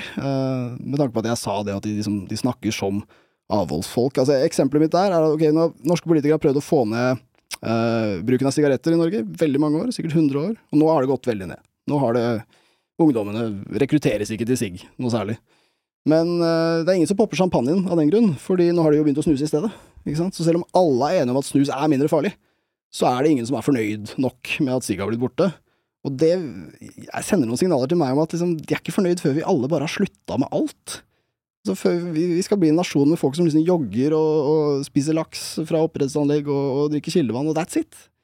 Og det idealet, det er helt, helt urealistisk for meg. Det, det, det passer det, det er urealistisk for alle som kjenner kultur. Så ja. Um, hadde et poeng der.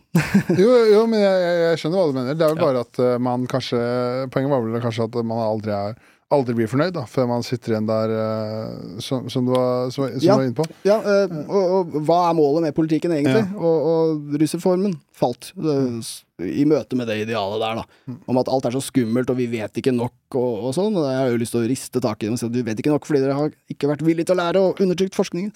Ja. Men det var frykten som vant, da, uh, mot rusreformen. Men Det er jo litt gøy å tenke på at man liksom er, uh, i hvert fall tidligere har liksom vært så mot det. Men det var jo ikke så mange år siden det var den der dokumentaren som gikk på Jeg tror det var på Eh, via Play eller TV30 var som var Norge på dop, hvor man ja. da dro på ulike steder på Stortinget og tok prøver, og det, det var jo kokainlokk på flere Eller kokain på flere enn ett toalettlokk og vasker og sånn rundt på Stortinget der òg. Ja, Så det, det er nok ikke alle som har helt, eh, helt ren mel i posen der også. Jeg tror de Jeg har noen eh, venner som jobber, har jobba i ulike, altså ulike ungdomsorganisasjoner og politikk, og også på altså på voksent nivå, holdt jeg på å si. Mm. Eh, og det hører jo rykter om at det, eh, de er ikke fremmede for å ta seg en fest der heller. Nei, nei, så, nei det, er, det, er, virkelig overalt.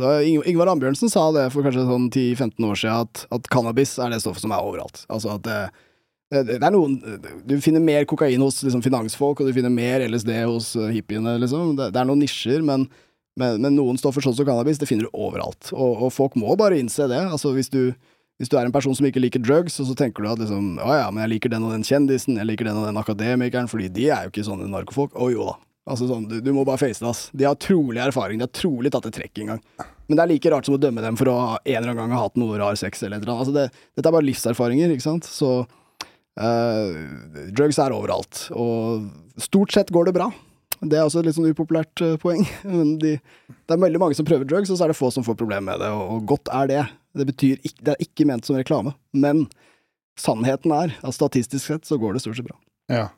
Men det er veldig sånn her debatt uh, I og med at uh, du nevner om at drugs liksom er overalt. Det er veldig sånn der debatt i media nå om at uh, liksom Ja, det er omtrent Altså ungdom ned i 14-årsalderen som, som får kjøpe kokain. Det er kokain overalt. Overalt du ser. Eh, det er 100 eh, meter dokøer på alle utesteder i Oslo for å ta kokain. Sånn. Eh, hva, hva tenker du liksom om jeg føler ofte, ofte, i hvert fall de siste året, da, at det er veldig mange som er en del av ordskiftet når det kommer til uh, rus og uh, til rus generelt. da, mm. Som kanskje ikke sitter Det er kanskje ikke de menneskene vi ønsker ofte skal være i ordskiftet. da. Mm. Men eh, hvis man kan få en kjendis til å snakke om dokør og, og rus, da, så får man kanskje noen klikk ekstra uten at man kanskje blir noe klokere på det. Altså, Hvordan, mm. hvordan har liksom du som kan veldig mye om hvordan har det liksom vært å lese de sakene der og sånn? Ja, det er drømmespørsmål. Altså, fordi denne kokainsaken, den, den, det var så weird, ass. Uh, først og fremst hadde vi en økning. Den som var målt, var i, i gruppen under 30. Så var det en økning fra har du brukt kokain det siste året, var spørsmålet, så hadde det gått fra 2,5 til 5 av befolkningen. 2,5 til 5 okay. av den befolkningen. Så en, en dobling, altså en stor økning. Hvis jeg husker tallene rett, men det var rundt der. 4,8 kanskje. Uh, og da, da, ble det, det ramaskrik, ikke sant, og, og, fokuset ble veldig sånn nasjonalt. ikke sant, og det, Jeg skjønner hvorfor, fordi er, vi styrer bare over Norge. Det er her vi kan lage lovene, det er her vi kan påvirke. Men så er greia at det her egentlig er veldig internasjonalt. da. Og, og, det ble noen rare seanser, sånn som på NRK med den derre eh, debatten deres med Fredrik Solvang, hvor de stilte opp liksom influensere som har kontrakt med NRK. Eh, både NRK og influenserne konkurrerer om klikk, ikke sant, og det var det vi liksom merka med den debatten, at Kokain er overskrifter folk klikker på, og, og frykt selger også. Så det var jo Noen av influenserne som var med på den debatten, de hadde jo, hadde jo aldri kjenner ingen som brukte det, hadde aldri sett det, hadde ikke prøvd snus sjæl engang. Altså, Man lurer liksom på hvorfor de er der. Eh, men, men debatten handlet hele tiden om det nasjonale, ikke sant, og rusdebatten vi håper si, da, kan, kan få skylda. Og det er et veldig skummelt poeng, at det å snakke om rus gjør at flere tar det, og, og flere dør. Det det er antikunnskap, og veldig, veldig skummelt. Men eh, problemet er jo at altså, den økningen i eh, kokainbruk, den, er, den skjer over hele verden, og, og spesielt Europa. For nye smuglerruter hit. Um, mafiaer som klarer å få det på én båttur fra Sør-Amerika. Plutselig gikk prisen ned, produksjonen har gått opp også. Så, så vi kan ikke diskutere dette bare i norsk kontekst. Eh, jeg skjønner at man vil, for her kan vi lage lover, men, men greia er at vi, vi har et ønske om å redusere rusbruken. Men som Rusreformutvalget var flinke til å påpeke, så, så vet vi ikke hvordan vi gjør det. Det er ingen tiltak som er så veldig gunstig. Informasjon ser ut til å hjelpe, men det er ingen sammenheng på landene. Hvis du ser et land som har liberal ruspolitikk, og et som har streng, så vil du tro at forbrukstallene var påvirket av det, men det er det ikke. De er all over the place. Og øhm, det at det er internasjonalt, øh, gjør at vi blir litt maktesløse i Norge. Eh, vi, vi kan egentlig ikke gjøre annet enn å øh, se på det som skjer, og, og tilpasse lovene våre etter det, og det har vi ikke lyst til. Vi har lyst til å ta grep, få det ut av landet. Bli det ene rus, narkotikafrie landet, kanskje. Noe sånt. Men, men, Men tror du, tror du oppriktig at for eksempel da eh, en gruppe politikere sånn fortsatt innbiller seg at de skal få til et rus, rusfritt Norge? Nei, altså e- egentlig ikke. Eh, og, og det hadde vært veldig interessant å få dem til å utdype litt. eh, for hva, hva, hva tror de ikke er oppnåelig, egentlig? Um, men men de, de, de er i hvert fall veldig opptatt av å få forbruket ned. Og de faktorene som kan få forbruket ned, eh, er trolig internasjonale. Fordi vi vet at de faktorene som får forbruket opp, de er internasjonale. Det handler om teknologiske fremskritt, at det blir på en måte lettere å lage drugs, og derfor lettere å få det ut, og, og sende det ut til hvem enn som vil ha. Det handler om kultur, eh, påvirkning fra filmer, musikk. Eh, Det er ganske rart å leve i en tid der liksom foreldre lar barna sine sitte på TikTok og se på fucking millionærer som er på yachter og, og fucking Kardashians og og bare sånn overfladisk amerikansk kultur, og så etterpå er de kjempesjokkert fordi de tar kokain. De, de sitter og ser på kokainkultur hele dagen, ikke sant? Så, så det, det, handler ikke om Norge, dette her. Det handler om, øh, om, at, om at disse faktorene er liksom ute av våre hender. Og da er spørsmålet hva det, det betyr at vi ikke kan bli kvitt det. Det betyr at det er utlandet som avgjør.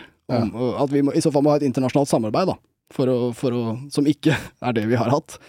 uh, for, for å gjøre noe med det. Men, uh, men vi, vi kommer liksom aldri dit i debatten. Vi, vi snakker alltid om norske forhold og, og norsk ungdom, og ja, særlig ungdom. Det er alltid ungdom det handler om. Ja. For det er bare det eneste inntrykket som liksom man, I hvert fall jeg, da, som ikke eh, hadde de tallene som du har. Altså Det er klart at uh, det er jo selvfølgelig ikke noe bra, fin utvikling hvis eh, antallet uh, mennesker under 30 som har prøvd kokain, uh, dobler. Nei. Men hvis det er da, som du var inne på, da, 4,8% så ut fra det mediebildet som har vært i, i f.eks. i våres og sommer, da, Mm. så har det liksom vært sånn at eh, I hvert fall fra mitt ståsted så virker det som sånn, ja, rundt 60% da. Ja, det, Så, ja. det er inntrykket. Og det blir bare sånn herre Både Jeg vet ikke hvem av de det var, da, men det er bare sånn herre Vita og Wanda, sikkert hyggelige folk, det. Men jeg har aldri sittet hjemme og lurt på hva, hva tenker Wanda om ruspolitikk. altså det, Nei, det- det har liksom aldri vært eh, så det, det blir jo også noe av problemet, da. Har de snakka noe om det på podkasten sin? Eller Ja, ja, ja, jeg, vet ikke om de har podkast engang, men jeg husker bare hun var vel med på det der eh, debatten. Mm. Og liksom var vel den som bare sa vel at det var jo milevis uh, dokør eh, ja. Ja, og det, det blir veldig sånn derre Det er også en sånn kunnskapskrig i debatten. Altså, forskningen er veldig på min side. Eh, Det, det må jeg bare si litt sånn breialt. At det er veldig lite forskning som støtter eh, straffelinjen i politikken. Men så blir det ofte sånn derre Ja, dere jævla akademikere sitter og leser bøker, men dere veit ikke virkeligheten, sånn som vi politiet gjør nede på gata. Ikke? Du, vi har sett det med våre egne øyne. Og så kan jeg si at ja, med vitenskapelig metode, da, du må ha litt større utvalg enn én for at det skal være solid.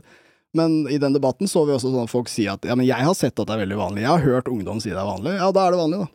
Sant? Så sitter vi med tallene og sier ja, ja, 5 er jo 95 har jo ikke prøvd det, da. Men, mm. det, så det skjer, i, det skjer ikke over hele landet samtidig. Det skjer i visse grupper. Oslo vest, uh, trolig langt større økning. Den største målingen vi hadde var rundt 12% og da var det russen som var spurt i en spørreundersøkelse. Det er den mest rusvillige delen av befolkningen. Og der var det 12% Så da er det fortsatt eh, 88% som ikke har prøvd. Ja. Så, så den økningen var, var Det var mediehysteri som oppsto der, fordi de alle fikk eh, masse klikk. Det, det er den korte oppsummeringa. De, de omtalte et internasjonalt problem som et nasjonalt problem, og de brukte et ideal som er helt umulig. Så jeg tror ikke vi egentlig lærte så mye av det der. Vi, vi ble nok heller bare mer forvirra Mm. over hvor mange som tar kokain. Og det jeg gjerne skulle sagt om kokain, som ikke kom i debatten, det er at det er et ganske farlig stoff. Eh, Det er farligere når du tar det med alkohol. Det er det de aller fleste gjør. Eh, Jeg vil også, basert på holdt på å si, ting jeg har hørt, for å holde det litt enkelt, så er det et overprisa stoff, et oppskrytt stoff. Et, eh, det er masse hype, og den hypen den bidro media til. Så jeg skulle virkelig ønske at det var mer snakk om hva er kokain, og hvor farlig er det, og, og er det egentlig noe kult og sånn. Det hadde vært en bra ting å snakke om, men det kommer jo aldri opp i debatten. Nei. Det er etablert som et onde. Veldig ille at folk gjør det. Og så er kokain farlig òg, så jeg er jo enig. Men hvis vi skulle regulert det, sånn som jeg er keen på, så, så er kokain en utfordring. Det er det. For det er, det er en stor etterspørsel etter det, og det er også veldig farlig. Så vår beste strategi ville vært å bare introdusere andre, mindre farlige rusmidler som folk kunne brukt sånn som de bruker kokain i dag. Så hadde de valgt eh, et, et mindre helseskadelig alternativ. Og så kunne de fått fylt disse jævla behovene sine. Men eh, men, men ja, nei, det, det, var, det var et blikk inn i et, et trist blikk inn i at rusdebatten egentlig ikke har kommet så langt, altså den, den der kokainhypen. Ja. Mm. For du, du, var, du nevnte jo liksom eh, politi der og sånn, og da går vi på en måte over i en ny del av boka di, som er hoveddelen av boka di. Mm. Som er liksom da du har øh, Som er på en måte å forklare eh, Jeg tipper det er veldig mange som de fleste har hørt om det. Kanskje jeg tror ikke alle kanskje skjønner helt hva det er. Det er på en måte da det som nå har endra navn, da, som er Norsk Narkotika Politiforening. -hmm. uh, som gjerne i medier blir referert til til NNPF. Ja. Uh, og det er jo det uh, stor, eller mesteparten av boka di handler om, og Ja. dems eh, altså rolleforståelsen mellom de og politiet, fordi det da er en privat uh, interesseorganisasjon, kan du kalle det, Det er lobbyorganisasjon. helt riktig. Ja. uh, men kan ikke du bare altså forklare sånn kort og greit hva Norsk Narkotikapolitiforening er, og liksom hvordan det fungerer, da? Ja, ja nei, det, gjerne, fordi noe av grunnen til at jeg skrev denne boka, er for å samle denne historien. Fordi det har vært enkelte nyhetsoppslag med kanskje noen uker, måneder imellom, og så mister man litt sånn sammenheng. Eh, Så jeg tenkte at vi, vi måtte få det samla. Det var litt der jeg kom, fikk ideen til bok. Og det er mye drevet av denne foreningen. Jeg vokste jo opp i deres glansdager, og eh, det, det, det begynner bra. Altså det, grunnen til at denne foreninga ble stifta, det var at uh, i politietaten så merka man at det var veldig mange som ikke visste så mye om det. Og da er vi jo tilbake til det at samfunnet ikke vet så mye om det, og heller ikke vil.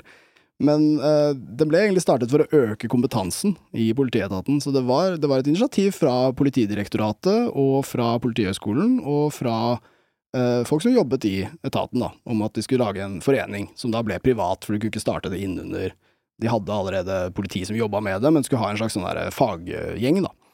Og, og det ble starta etter modell fra, fra den svenske, som er- heter SNPF, Svenska Narkotikapolisforeningen. Og de I Sverige går det jævlig dårlig, forresten. Det, det er våre forbudsbrødre. Også politiet er en viktig aktør i debatten, brødre. For det ser man, det tar du oss gjennom, eh, som vi kanskje ikke nevnte i stad, Men men det, er Mm. også, det, er ok, det er mye innvirkning fra USA og Nixon og det vi har vært inne på, men det er også en stor innvirkning fra eh, Sverige også, ikke sant? Mhm. ja, mm. Det kommer, altså De starta politiforening først. Så vidt jeg vet, er det de tre eneste, i hvert fall store, gruppene av, av narkotikapoliti som har liksom organisert seg. Det er, der er den største i California, den nest største er i Norge, og den tredje største er i Sverige. Og så har jeg egentlig ikke funnet noen andre som er etablert enn de tre, da. Eh, Men, men det, det starta bra, og, og de, de sa jo ganske tidlig, dette er starten av 90-tallet, at de, de skulle ikke utfordre Politihøgskolens eh, utdanning, og de skulle mm, ikke jobbe politisk. Eh, Men så skjer det et skifte på slutten av 90-tallet, hvor de da endrer til å bli en forening som skal påvirke politisk. Og det er da det begynner å, oppstå mye, mye drøyt, mye som aldri skulle skjedd, og som ingen egentlig oppdaga. Trolig fordi de kan ha Kanskje fordi de har politiet i navnet. Altså Man har ikke tenkt på dette som særlig privat, for politiet er en veldig sterk Uh, sterkt varemerke i Norge. Uh, veldig tillitsfullt. Så ehm, I ja. tillegg til at altså, de fleste medlemmene også er politimenn De aller fleste. av yrke. Uh, De aller fleste. Ja. Det er alle som, altså Medlemmene av denne foreningen er alle som jobber med rus i uniform. Så du har på en måte toll og militær altså med. Men, men eh, 80-90% av medlemmene er politiansatte, ja. Ja. Og, og det, var, det var en god ambisjon helt til de begynte å, å få politiske ambisjoner. Helt til de ble en, når de ble en lobbyorganisasjon, så er det da politiet i, i stor grad, for de har jo opptrådt i, i uniform også, siden de jobber der og er med i foreninga på sida, så er det overlappa. Mye av den rolleblandingen er jo da omtalt av meg. Um, men, uh, men, at politiet skal være en etablert stemme i en politisk debatt, det er veldig problematisk. Og det er veldig få land hvor du egentlig ser det i, i rusdebatten, at politiet er en av de store aktørene i debatten. Fordi de skal jo egentlig ikke forme lovene, de skal jo egentlig bare følge de. Så, så det, det, skurrer allerede litt der. Men vi kan ut, ut, utdype det litt, og altså, ja. hvorfor det er et sånt problem, da. At, ja. Uh, ja. Nei, altså vi har, har, lyst til å gå rett inn i samfunnsteorien her. Altså vi har jo noe som heter maktfordelingsprinsippet, som handler om at du skal ha uh, tre uh, branches of government, uh, tre, tre, grupper i staten, som, hvor den ene skal være lovgivende, dømmende og utøvende, er de tre. Og, og, greia at politiet er jo en del av den utøvende, og så er domstolene er den, den dømmende, og så er den var det lovgivende jeg sa? Den, Stortinget lager lovene, domstolene dømmer folk, politiet og, og justissektoren uh, jakter og straffer. Ja. Og, og, hvis du blander disse, så begynner det å bli jævlig skummelt. Hvis uh, politikerne får påvirke hva domstolene gjør, skummelt. Hvis domstolene får påvirke hva politikerne eller politiet gjør, skummelt, osv. Så, videre. så det er viktig å holde disse veggene litt separat, da. Og politiet har jo masse makt, det er jo det er liksom greia deres. At de, de har voldsmonopol, og de, de får lov å gripe inn. Uh, men da er det jo helt essensielt at det ikke er de som har uh, fått bestemme hva de skal gjøre. Uh, de jobber jo for oss, de jobber jo for folket, men de har jo sin egen stemme òg. de er jo bare folk. Så idet vi, vi lar dem forme sin egen arbeidshverdag i for stor grad, så har vi et demokratisk problem. Og det, det er det som har skjedd, da, vil jeg hevde. Så når vi fikk en privat forening som folk trodde var politiet, som da kunne gjøre ting som bare politiet kan, fordi de også jobber i politiet på sida, så, ja, så, så rev vi ned de veggene, og det er Ja. Det, det, har ført til veldig, veldig mye forvirring og, um, og, og skade, vil jeg si. Og det har også etablert politiets egeninteresse for dette her. At de, de, føler at de vil miste noe hvis loven blir endra. Mm. Og det, sånn skulle det aldri blitt. Nei. For det, det, noe, av, noe, av, problemet også som du får fram veldig tydelig i boka, er på en måte eh, Som du er inne på den rolleblandinga også, men at det har på mange måter vært umulig for folk å å til tider å skille hva er Når opptrer de i form av en privat interesseorganisasjon, og når opptrer de i politiet? Ja. Eh, for man ser jo da, Du gir eksempler på boka hvor da det f.eks. er da eh, de er, altså Norsk Narkotika- og Politiforening er da inn, leid inn til å holde et kurs, eller de er på en skole eller uh, leid inn til en kommune, mm. hvor de da uh, møter opp i politiuniformen mm. og også var tilfeller hvor de kom bevæpna uh, i, i, regi av Norsk Narkotikapolitiforening. da, mm. Uh, Og som du da uh, får fram i boka, som faktisk da er et eh, klart lovbrudd. da. Ja. ja. ja det har grensa over til lovbrudd. Eh, jeg, jeg, jeg, er ikke så opptatt av å på en måte ta dem for det, men, men det grenser over. Det går liksom sakte glidende, men, men ja, eh, det er lovbrudd. Og noen ganger er det også korrupsjon. altså Noen ganger så blir det liksom vennetjenester som går for langt, økonomiske interesser som blir litt store og sånn, og da da, da, begynner vi å krysse noen ganske skumle linjer. Men, men den forvirringen med navnet, den, den, har vært ganske betydelig. Ass. Eh, et eksempel fra boka er jo at Tromsø kommune eh, hadde sendt ut en e-post en gang hvor de ønsket samarbeid mellom kommunen, utelivet og politiet, og da kom politisjefen, som også da var NNPF-medlem, eh, med en fyr som ellers jobba i politiet, men han hadde fått friår for å jobbe i NNPF. Så solgte de inn et kurs, og de betalte 140 000, tror jeg det var, for det kurset. 250. 250, ja. ja det var først og 140. Ja. Takk. Du kan boka mi bedre enn meg. Ja. og, og, de pengene ble satt inn på, på denne politimannens enkeltmannsforetak, altså på hans konto. Og de trodde de betalte de pengene til politiet, og de var veldig naive, for du skal ikke sende masse penger til politiet, det er ikke sånn det fungerer. Men eh, frem til lokalavisen på en måte ringer de sånn seks-sju år seinere, så trodde de at de pengene gikk til politiet. det er klart at det er et kritikkverdig forhold, men det sier jo også nå at det bør ikke Uh, man bør på en måte ikke Kommunen bør ikke bli stilt i den posisjonen heller til å gjøre den feilen, da, kanskje. Nei. Det blir kanskje riktig å si. Ja, de, det, er, det, er, forståelig at de ble lurt. Det var mye naivt fra deres side, men, men, men at det går an, på en måte. At, at, det kommer to politifolk på møte, og så viser det at han ene faktisk selger en tjeneste fra en privat forening, uten at det har kommet tydelig frem. Uh, det er ganske utrolig. Ja. Kanskje. Mm. Og så vil det være eh, Du nevnte jo f.eks. da den eh, politilederen som fikk et friår for å jobbe i norsk, eh, eller NF, NNPF. da. Mm. Og så var det jo også sånn på et tidspunkt der som jeg Det er mulig jeg ikke kan nok om det, men jeg mm. reagerte i hvert fall på at eh, Han har gått av nå da, med tidligere Riksadvokaten. Mm. Også nå er æresmedlem i NNFPF, da, og var Mm. da svært aktiv, en av lederne, eller i hvert fall svært aktiv i, det, i den organisasjonen. Mm. Og da, da føler jeg på en måte at eh, eh, Riksadvokaten sin arbeidsoppgave da, det, det er kanskje ikke forenlig med å være medlem av en sånn forening? Nei, det er det jo ikke. Og, og jeg, er enig i det, men, men så mye har denne foreningen gått under radaren som, som en slags del av etaten. Da. De hadde jo også annet lønnstrekk, eh, som om de var en fagforening. Eh, hvis du jobbet i politiet og var medlem av foreninga, så bare trakk de medlemskontingenten fra lønna di. Ja, Samme De- var det de- vel i Forsvaret for uh, Mm. ja. Ja, de hadde også det. Så de var inne i lønnsrullen. De, organisasjonen sparte jo masse penger på det, ikke sant. Slapp å samle inn penga sjøl, holdt på å si. Eh, men, men ja, eh, det, er et bilde på denne foreningens makt. Altså, de er som sagt stiftet i 1991, og alle riksadvokater siden denne foreningen ble stiftet, har vært medlemmer av den. Eh, og det gjelder da Georg Riiber Moen, og så var det Tor Aksel Busch, og nå er det altså Jørn Sigurd Maurud. Eh, og Maurud er jo den eh, riksadvokaten som de er minst fornøyd med av de tre. Eh, men også han var altså medlem av denne foreningen i eh, godt over ti år, før han eh, tenkte seg litt om, eller før han møtte dem i debatt og innså at oi, jeg er jo ikke enig med de i det hele tatt. Men det har altså vært eh, Det er mange greier her, eh, men, men de har hatt, hatt konferanser hvor du får eh, poeng i, i, i politiets interne system for å delta. Ikke sant? Så hvis du har ambisjoner om å jobbe i norsk politi, så er det lurt å være med i den foreningen der. Ja. Og det er derfor riksadvokatene trolig bare har Ja, men det er jo en sånn ting man er med i. Det er jo sånn som alle er med på. Mm. Det noe det, det sier seg selv at jeg ikke sier nei til det. Ja. Altså, det vitner om at vi har ikke tenkt på det. Ja, for det var vel eh, Det kan du kanskje du utdype på, men jeg syns også var sånn interessant å, å lese i forhold til uh, i, en, I en rekke tilfeller så var det da f.eks. hvis det var ungdom da som ble tatt med cannabisbesittelse i brukerdose, Mm.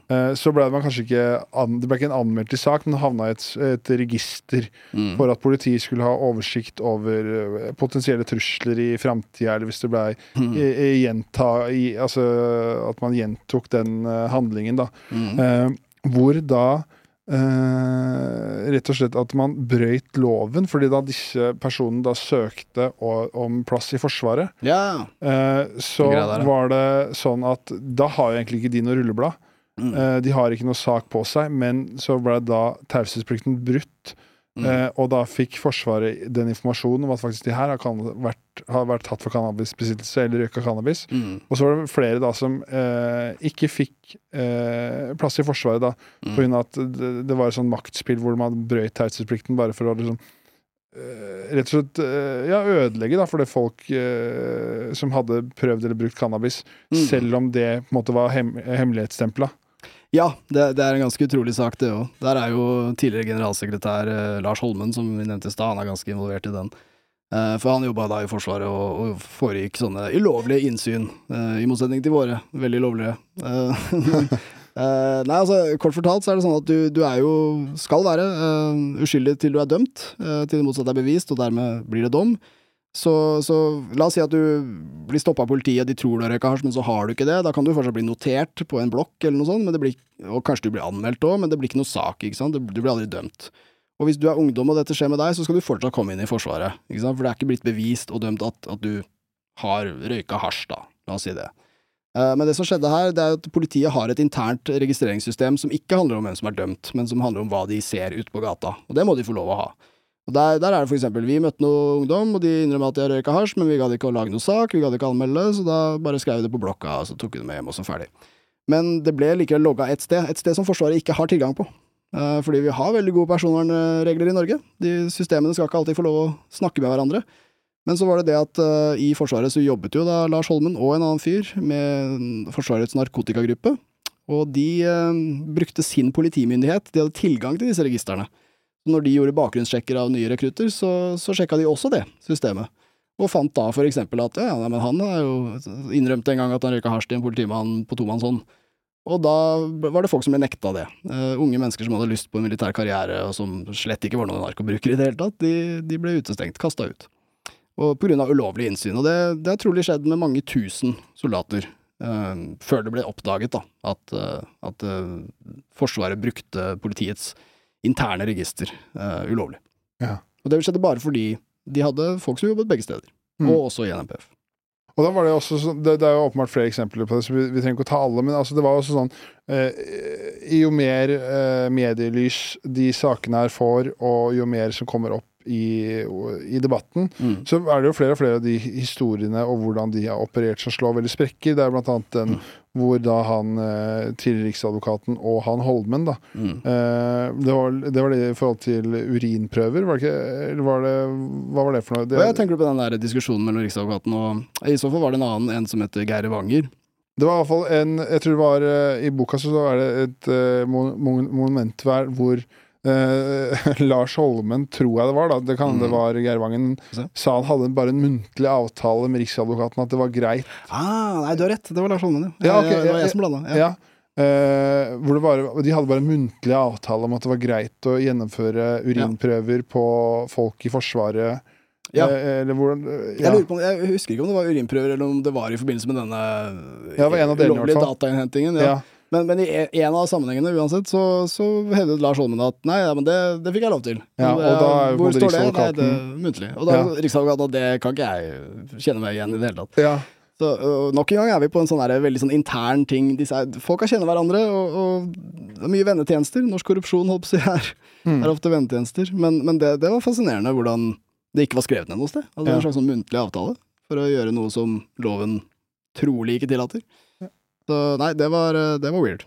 Og så det, det som er fascinerende, er jo på en måte at uh, Det fikk jo da holde Altså den foreningen fikk jo holde på da i fred i veldig mange år uten noe tilsynelatende kritikk. Det var jo noen Mm. kritikere tidlig, men uh, vil det bli riktig å si da at hvis man prøvde å kritisere den foreningen tidlig på f.eks. på 2000-tallet eller 90-tallet, så var de så sterke, og rus hadde et så negativt omdømme Mm. at de klarte da alltid å vri debatten over til at det var veldig suspekt at disse personene var for narkotika, og så på en måte farliggjorde de de personene som var kritiske, Mm. og liksom danna et bilde om at å, her har vi kanskje en potensiell rusbruker, her er, han er en del av problemet. Ja, ja det, det er riktig det du sier. Og det er en jævlig skummel greie. At det, det å være uenig indikerer at du er kriminell.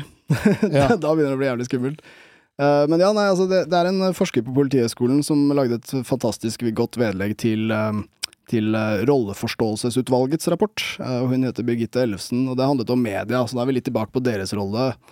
Og hun, det, hun gikk gjennom alle medieartikler som hadde omtalt denne foreningen, og fra de ble stifta i 91, jeg tror det var til 2014, så var det ingen, og da mener jeg ingen, negativ omtale av foreningen. Ingen kritisk omtale. De, de var bare omtalt som om de var politiet, og som om de hadde rett. Som at det de sa var sånn selvsagt.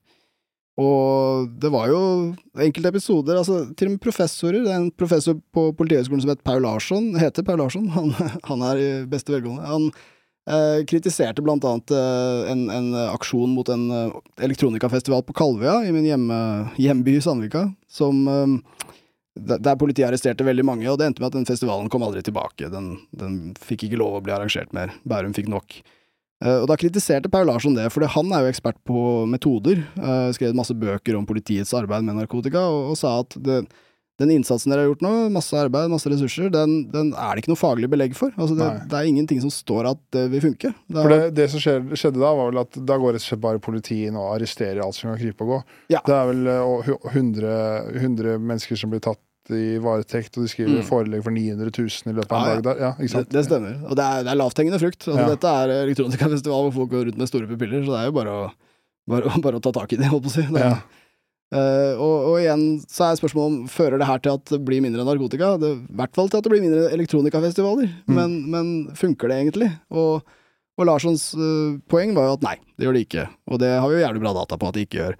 Og da fikk han kritikk fra Han ble en slags sånn fiende av foreningen. Det var, det var noen episoder i forkant òg som gjorde at det var litt sånn Han hadde kritisert de før òg.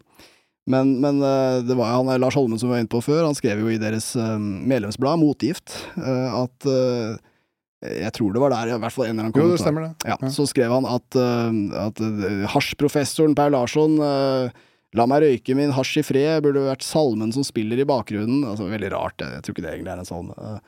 Men han, han, han ble en fiendefigur for dem, og det var en debatt også hvor han, han møtte led, daværende leder av, av Norsk Narkotikapolitiforening, og hun sa at hun var uro, urolig for at Politihøgskolen Dette var den forskningen de bringer frem. De må jo komme, klare å få frem en annen type forskning. Mm. Og det er et fascinerende sitat, fordi hun, hun liker ikke det forskningen sier, og derfor så er det er noe gærent med forskninga. Ja. Men det er jo ikke sånn forskning fungerer. Nei, nei, nei. så der, der ser vi litt den berettigelsen og, og makten, selv når du er professor, da. Så, så funker det ikke. Selv når det kommer faglig kritikk fra ditt felt, som du kan, så, så er det, blir, blir det du som er suspekt. Ja, for det, det reagerte jeg også litt på. For du har jo veldig mange sånne fine utklipp og sitater og eh, Ikke bilder, men sitater og liksom oversikt over hva for står på nettsidene for, til forskjellige steder. Sånn. Mm. Og det jeg liksom reagerte på når jeg leser boka, er f.eks. sånn som han Larsson, da, som er en professor med eh, åpenbart faglig tyngde, Mm. kommer med informasjon som, har da, som stammer da fra forskning, da, som er inne på, Mm. og liksom eh, kan forankre det han sier i noe. Mm. Eh, så når, mens motsvaret han får da, er egentlig bare en sånn derre eh, vond hersketeknikk som liksom skal fa farliggjøre, Mm. uten at, det, uten at det på en måte kan forankre deres mening. Det er bare akkurat som Det her er det jeg mener, men jeg vet Mm. ikke hvorfor jeg mener det. Jeg kan ikke vise noe forskning eller noe som tilsier at det jeg eh, mener er rett. Det er bare Mm. at det her er min mening, og det nekter jeg å endre. Ja, ja, Ja, visst. ja. Veldig sterk overbevisning. Veldig mye følelser. Eh, jeg, har tenkt på hva som liksom, det her kan sammenlignes med. Og det, noe av det nærmeste jeg har kommet, er, er øh, I USA så har de veldig mye sånn debatter om, om sexundervisning på skolen og sånn. Og de, de statene hvor de har bare droppa det, det er ofte veldig religiøse stater og sånn, der har de alltid liksom den høyeste eh, bestanden av, av ungdomsgraviditet og, og kjønnssykdommer, og bare alt de prøver å unngå. Fordi de har jo ikke kondomutdeling, og de, de kan jo ingenting, og de driver og har sex i øret, og på en måte, det skjer masse rart, men, men, men de klarer ikke å dempe ungdommens lyst til å ha sex. Den, den får de ikke dempa. Så da, da, når forskerne da kommer og sier jo, hvis dere vil få ned ungdomsgraviditet, så må dere faktisk gi dem sexundervisning og fortelle dem hvordan barn blir laga, og hvordan kondomer funker og sånn, og da er de sånn Nei, nei, det, det er noe gærent med den forskninga der. Det, for da er idealet så sterkt, altså at de, de ønsker at de skal være øh, kyske, holdt på å si, at de skal vente til ekteskap og sånn. Det, det er så viktig for dem at selv forskning øh, funker ikke. Den ville funka hvis den sa det de ville, men når den sier noe annet, så nei, da, da er ikke engang forskning verdt noe. Nei. Og det, da snakker vi om en veldig sterk overbevisning. Og det, de er jo religiøse, jeg bruker det eksempelet der. Det er noe av det dypeste du kan føle, liksom. Men, men det her er jo da øh, straff, straff som er religionen i, i norsk narkotikapolitikk. Ja. Og, og vitner om en veldig sterk frykt som de kan spille på, om at hva, hva skjer hvis vi endrer loven? Da vil narkotika flyte overalt. Da vil få kaste heroin inn i barnas munner. Altså det vil, det vil bare Alle vil være rusa hele tiden. Og jeg, jeg tror ikke det stemmer. Men tror du også litt av den der religiøse overbevisningen er for at øh, at det kanskje øh, for dem også kanskje bunner ut i en slags frykt, da, i og med at øh, de er redd for å miste en slags status, de er, de er Mm. mist, redd for å miste arbeidsplasser, det er snakk om veldig mye penger i omløp her i form av statsbudsjett, Ja. eh, som man blir tildelt for å gjøre ulike arbeidsoppgaver, og hvis man da dropper noen av de arbeidsoppgavene, så vil det åpenbart være mindre penger i omløp. Mm. Og at eh, man har da kanskje et, eh, et ønske om å bevare en slags posisjon, da. Ja. ja, det har du rett i, og det, det er en veldig uheldig konsekvens av at det her har pågått lenge. Denne narkokrigen, som jeg vil hevde fortsatt uh, pågår. Altså, de har uh, Aktørene har liksom befesta seg, da, og, og alliert seg også. Så vi har jo fått en, en lobby. eh, som, som er hvor NNPF, nå heter de NNF, Norsk narkotikaforebyggende forening. ja. Men uh, vi ser at de er veldig godt alliert med f.eks. avholdsforeninger. Og avholdsforeningene i Norge de står veldig sterkt. Det var en periode av Norge, Norges historie hvor 10-15% av befolkningen var medlemmer. Uh, nå er tallet under én. Men, uh, men, men vi har for eksempel For å ta et eksempel, vi, vi har noe som heter Aktis i Norge. En veldig stor paraplyorganisasjon på rusfeltet. Som tidligere het Avholdsfolkets landsråd, men som nå har bytta navn. og de det er ikke bare avholdsforeninger som er med, men jeg vil si at de fleste er avholdsforeninger i, i måteholdsklær. Eh, men der har jo en av deres styreledere over lang, lang tid, det var jo Arne Johannessen, og han er jo en kjent eh, profilert politimann, og i to av årene han var leder altså av styret deres, så var han også leder av Politiets Fellesforbund.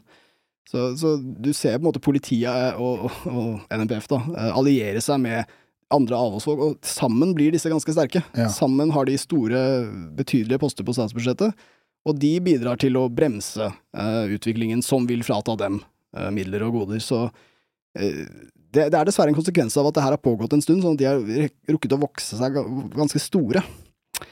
Og det, det er jo veldig leit, da, fordi hver gang en lobby blir for stor, så, så, så blir den også fan av sånn evige sannheter, og, og verken naturen eller vitenskapen fungerer sånn. For forandring er viktig, og det skjer hele tiden. Mm.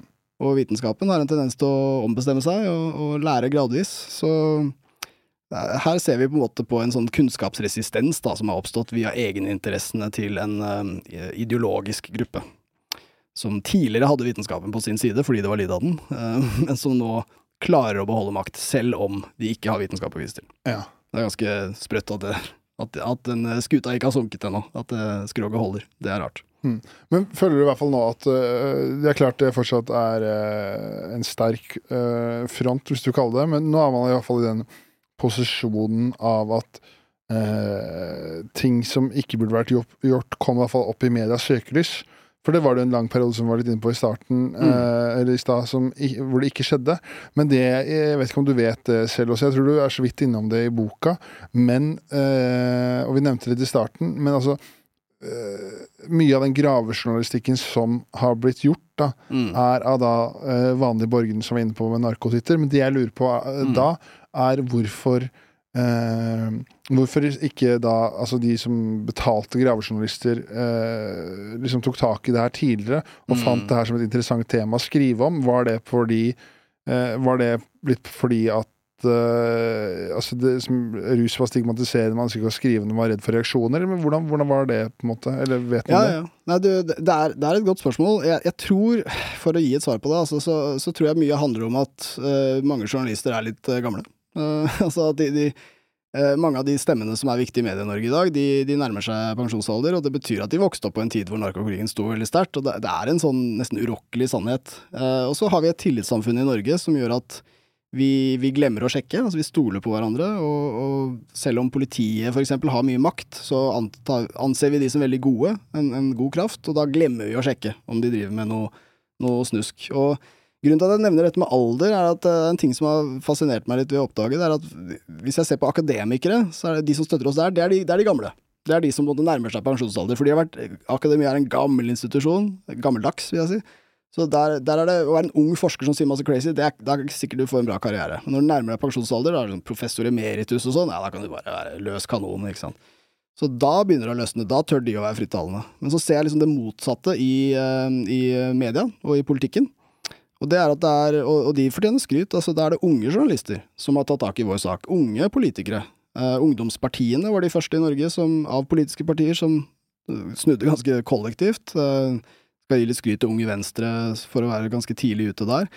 Men øhm, det er på en måte ungdommen da, i politikken og media som har turt å utfordre status quo, og de redaktørene i norske aviser som, som skuffer meg mest, jeg håper å si Hanne Skartveit og, øh, og hun i Dagsavisen, herregud, ja, uansett, de kjempesmarte når de skriver om andre ting, men når det akkurat kommer til rus, så er det sånn Det henger veldig igjen. Uh, Brynulf Brånen i, i Klassekampen, veldig ivrig motstander av liberalisering av rus, og det jeg, jeg, jeg vet ikke helt hva greia er, men de nekter å gi slipp, da. Dette er liksom den ene tingen de ikke skal la gå igjennom. Skal faen ikke endre den narkoloven, liksom. Og uh, all skryt til uh, unge politikere som uh, Ingvild Westerhus Thorsvik, og, og journalister som Anne Rokkan, som, som jeg, setter karrieren sin på spill da, for å ta tak i dette her.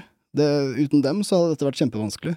Men, men jeg Medias rolle det, det, jeg er veldig ivrig på å kritisere media, men det er noen av dem som er flinke også.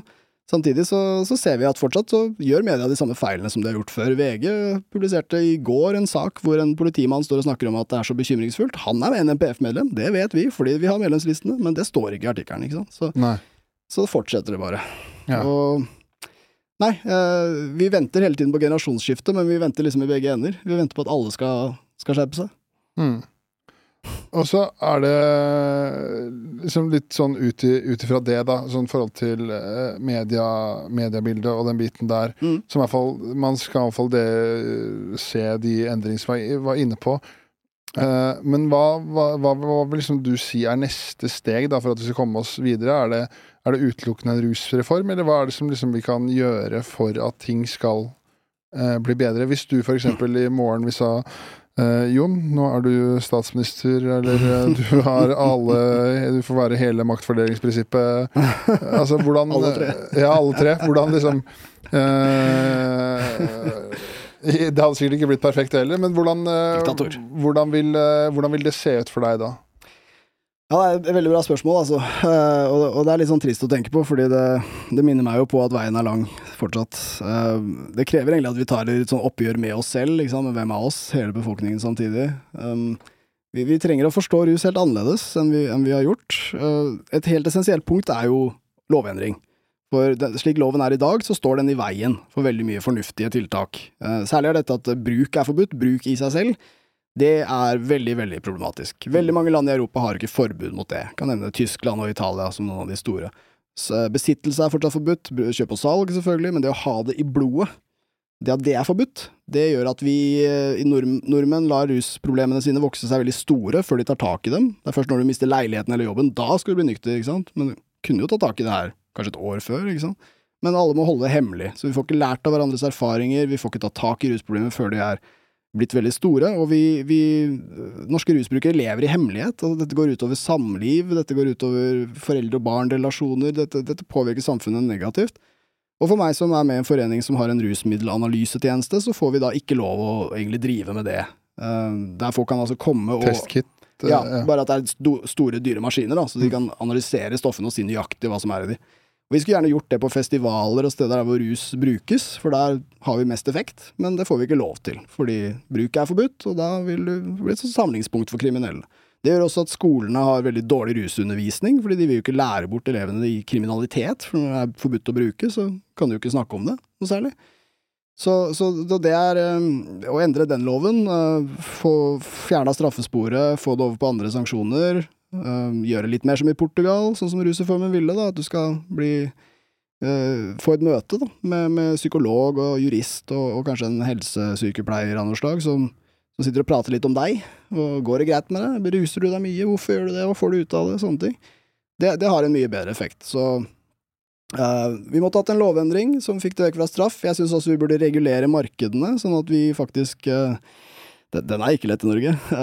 Staten burde produsere cannabis, kunne redda norsk landbruk. Um, men, men at vi, vi Kanskje vi skulle gjort Vinmonopolet til Rusmonopolet. Kanskje vi skulle hatt kvoteordninger som gjør at folk kunne kjøpt bare litt og litt av hver. Kanskje vi skulle hatt sertifikat. Kanskje du måtte ta en liten prøve før du fikk kjøpt LSD. Eh, Det finnes veldig mange måter å, å regulere det markedet på, men jeg mener at det, det hadde også vært veldig viktig, da. Å ta pengene ut av de kriminelles hender, og, og putte de tilbake i fellesskapets kasse, sånn at vi kan eh, bruke de penga på å fortsette å minimere skadene fra, fra rusbruken i samfunnet. Per i dag så er det et tapsprosjekt, ikke sant. Vi, alle penga går til, til bander, og ofte ut av landet, eh, og, og samtidig så koster det masse for politi, domstoler og, og helsemyndighetene. Så det, ja. Det, det, kort, kortsvaret, hvis jeg var diktator, eh, fjerne, endre, endre lovverket i en mer liberal retning, fjerne straffen for bruk, finne reguleringsmodeller med kvoteordninger som gjør at vi lager insentiver, som gjør at folk kan få eksempel billigere drugs hvis de bruker lite av dem, ikke sant? Det finnes mange måter å gjøre det på. Så det finnes mange gode mulige ruspolitikker der ute, Ja. um, som, som ikke snakkes om. Mm. Og, Men ja. hvor, for uh, en ting som du også nevnte her, som jeg føler er litt viktig å si òg, er at uh, nå har det jo kanskje vært litt sånn uh, Altså eh, mye negativt om politiet og Norsk Narkotikapolitiforening, og det er jo vel fortjent i veldig mange tilfeller. Mm. Men så er det jo da eh, et, en sånn følelse jeg sitter igjen med å ha lest boka di, som du nevner der, da Mm. er også det at eh, jo, det er klart at uh, politiet bryter loven, og det er veldig mye uheldige forhold som skjer i politiarbeidet og den rolleblandinga som vi har vært inne på. Mm. Men uh, jeg sitter også med en følelse av at er, eh, problemet er større, sånn som du sier, da, at man er avhengig av den lovendringen for at man også skal gjøre det lettere for uh, politiet. Da. For jeg ser for meg at uh, hvis du nå er, uh, uten at jeg vet det, da, det blir synsing, men hvis du får nå f.eks. går på Politihøgskolen nå, Mm. og liksom har et veldig ønske om å gjøre en endring og drive en, altså gjøre, drive en forsvarlig og lovlig måte å hjelpe Altså forhold til uh, rusmisbrukere på, Mm. så kan jeg se for meg at man fort blir havna inn i et sånt system da, som gjør at det er vanskelig og det koster veldig mye å gjøre det rette. Mm. Akkurat fordi at det er eh, i forhold til at det er ulovlig da, de, de lovene som er på plass nå, Mm. som gjør at det er veldig lett å falle over til kall det den onde, onde siden. Ja. Og det ser man jo også i boka di etter hvert på slutten, når, som vi har vært inne på tidligere, når eh, Dyrdal snakker om hva, liksom han, hva det har kosta for han. Da, at han liksom Mm. måtte for eksempel ta en pause da, Mm. fra å skrive om den debatten, for det var altså så fiendtlig, en fiendtlig debatt. da. Mm. At det kosta veldig mye energi å snakke om det. Ja. Uh, Mm. Jeg vet ikke om det var et spørsmål i det, men liksom Ja, ja, mange. ja, ja. Eh, så, så jeg tenker også det, at det kan være greit å nevne. At, eh, Mm. og det gjør det for så vidt i boka også, at det også fins jo åpenbart veldig mange flinke eh, politifolk òg. Ja, ja, det, de har en egen, egen Det er vel også en organisasjon der som på en måte er motsatsen til Ja. Eh, Norsk Narkotikapolitiforening. Altså, Leap. Leap ja, Leap. Scandinavia. Leap. Ja. Ja. Mm. Eh, kan du si noe om det, eller kan du om det? Ja, ja, ja, absolutt. Um, Leap, altså når de, når de starta, så het de Law Enforcement Against Prohibition. Uh, prohibition er jo da forbudspolitikk, men, men nå tror jeg de har endra det til Law Enforcement Action Patrol eller et eller annet. Men uh, Leap Scandinavia er jo startet av nordmenn og norske politifolk. Paul Larsson, Bård Dyrdal og flere. Men uh, Dyrdal har stått veldig mye alene. Jeg syns det er veldig trist. Altså, det har ikke kommet så mange stemmer for å på en måte bli med han. Han hadde en veldig interessant snuoperasjon der han på en måte helt på egen hånd klarte å innse at det her er jo det er jo galt det vi gjør, eller det fungerer ikke. Han jobber ikke selv med narkotika, han er, han er etterforsker på, på drap og vold, hvis jeg husker rett. Men eh, det, det, det, det at de fikk tak i Vi starta LEAP da, som en motsats til NPF, det tror jeg har vært, eh, vært veldig bra. Eh, og så er det jo også det at politi er et veldig unikt yrke. Det er et yrke du, du har hele døgnet. Du kan ikke velge å være litt kriminell på kvelden, eller liksom gi, la kompisene dine slippe. Da er du liksom korrupt snutt med en gang. Så, så det, er, det, er ikke så rart at de har en kultur der man er veldig enig, der man er veldig homogen og ensretta, kanskje litt macho, for det er en barsk jobb. Um, men uh, samtidig, altså vi, på Politihøgskolen så har jo en av NMPF-lederne holdt kurs i denne metoden deres, tegn og symptomer, som handler om å avdekke om folk er rusa. Det er ikke så veldig vitenskapelig, men det kan indikere, kanskje, da, om folk er rusa, selv om du av og til må peke ut syke folk og ja, nei, jeg syns ikke det er bra. Men, men under det kurset på Politihøgskolen så skal uh, altså Jan Erik Bresil, som holdt det, skal ha sagt at uh, her må du bestemme deg for hva slags politi du har lyst til å være. Ja. Og, og sånne setninger. Og, det, det handler, og der sitter det liksom 21 år gamle politifolk, som har veldig, eller studenter, som har veldig lyst til å bli politi. Og hvis jeg var en av de, så hadde ikke jeg Det han mener er jo, skal du være en som lager masse trøbbel og driver og stikker kjepper i hjulene hele tida, eller skal du være en team player, liksom? Og og jeg hadde ikke stått imot, jeg heller, hvis jeg var en ung politistudent. Det hadde vært veldig, veldig vanskelig. Så, og sånn videreføres dette her, da. Men, men jeg Dette er jo den delen hvor andre, la oss si narkotyter, kanskje blir sure på meg. Kanskje jeg er litt for De mener kanskje jeg er litt for raus med politiet. Jeg syns ikke det. Jeg vet altså, Det er mye å kritisere dem for, som boka mi viser, men jeg vet hvor mange flotte folk som jobber i politiet, og jeg mener som samfunnsviter at samfunnet trenger bra politi. At, at jeg er ikke noe anarkist, sånn sett. Jeg er glad i mye av det, men jeg har ikke så stor tro på mennesket at jeg tror vi ikke trenger politi. Um, så uh, mer, mer, litt mer pessimistisk enn det. Men, men, så jeg, jeg håper boka mi egentlig er sånn, uh, en, en, en fredspipe, for å kalle det det. Um, noe som kan brukes for å bygge allianser fremover. Ikke for å fortsette en splittelse mellom uh, narkobrukere og politiet. Heller at vi skal, vi skal finne ut av det her sammen og gå gå mot en lysere fremtid. Men jeg tror kanskje neste bok burde hete 'Politikere og narkotika', eller noe sånt. Fordi det er politikernes feil. Uh, jeg, jeg, kritiserer jo politiet her for å påvirke lovene, de skal egentlig bare følge dem. Vel, hvem er det som lager lovene? Det er politikerne. Og de er, uh, de, de er ansvarlige for at lovverket både ble som det er, og at de har opprettholdt det med, med stor iver og lyst. Så så, så lenge lovene er som de er, så, så, må vi på en eller annen måte tilgi politiet for å, for å følge dem. Og, og, i mange tilfeller har politiet blitt litt chillere uh, i Oslo. Det er ingen tvil om at de var kjipere med rusavhengige før enn de er nå, for eksempel. Så vi ser at det er vilje der, da. Men så lenge lovverket er sånn som det er i dag, så, så tror jeg ikke vi skal rette kritikken primært mot politiet. Altså det er politikerne som er ansvarlig for at situasjonen har blitt som den er, og at den fortsetter. Så ja. uten lovendring så er vi like langt. Ja, vi burde jo egentlig, vi burde egentlig avslutte der, men, for det var veldig fint. Men jeg, av, sånn her, av min egen hva skal jeg si, Eh, nysgjerrighet og ego her, så er det jo Jeg får liksom ikke nok av det, da. Eh, Du nevner jo Det er ikke så veldig mye i boka, men du var liksom inne på at du Politi er ikke noe du kan være litt av, det er noe du må være hele tiden. Du kan liksom, men så er det en liten del av boka di hvor du snakker liksom om den Erik Jensen og Uropatruljen. Mm. Uh, ja. Og man har jo sett uh, noe av det i Hvis man har sett den Netflix-dokumentaren om Eirik Jensen. Og liksom, det er også en NRK-dokumentar, men da blir jo på en måte Uropatruljen mer fremstilt i mer sånn glamorøst lys, da. For det var Mm. vel noe eh, det var vel Altså, det er da en, eh, en patrulje som var veldig sånn glorifisert innad i politiet, og veldig mange ville bli en del av den uropatruljen. Mm. Og de, deres oppgave var da å bekjempe eh, narkotika, eller rus, Yes. i all hovedsak, og gjengkriminalitet. gjengkriminalitet. Ja. Ja. Eh, kan du liksom bare si litt eh, om det? Altså, du nevner litt om det i boka, og liksom snakke litt om det? Ja, absolutt. Mm. Um, jeg, jeg har et begrep som jeg trolig ikke bruker i boka, for det er litt flåsete, men altså bøllesnut. Altså, og vi er tilbake på den der tøff love-tankegangen, uh, som er veldig autoritær, som jeg snakket om tidligere. Og, og det, grunnen til at jeg nevner det, er fordi at det er veldig, veldig gammeldags. Men, men Uropatruljen, det var et uh, initiativ som i, i Skandinavia i hvert fall kom fra Danmark, uh, fra Københavnspolitiet, og ideen var at man egentlig skulle lage uro. Altså skulle gå, gjøre det vanskelig å være kriminell, gjøre det ubehagelig. Rett og slett bølle med de. Altså bare gjøre alt du kunne for å spre frykt og, og ubehag for de som da valgte å bryte loven, Uh, uten å ta noe høyde for hvorfor de gjør det.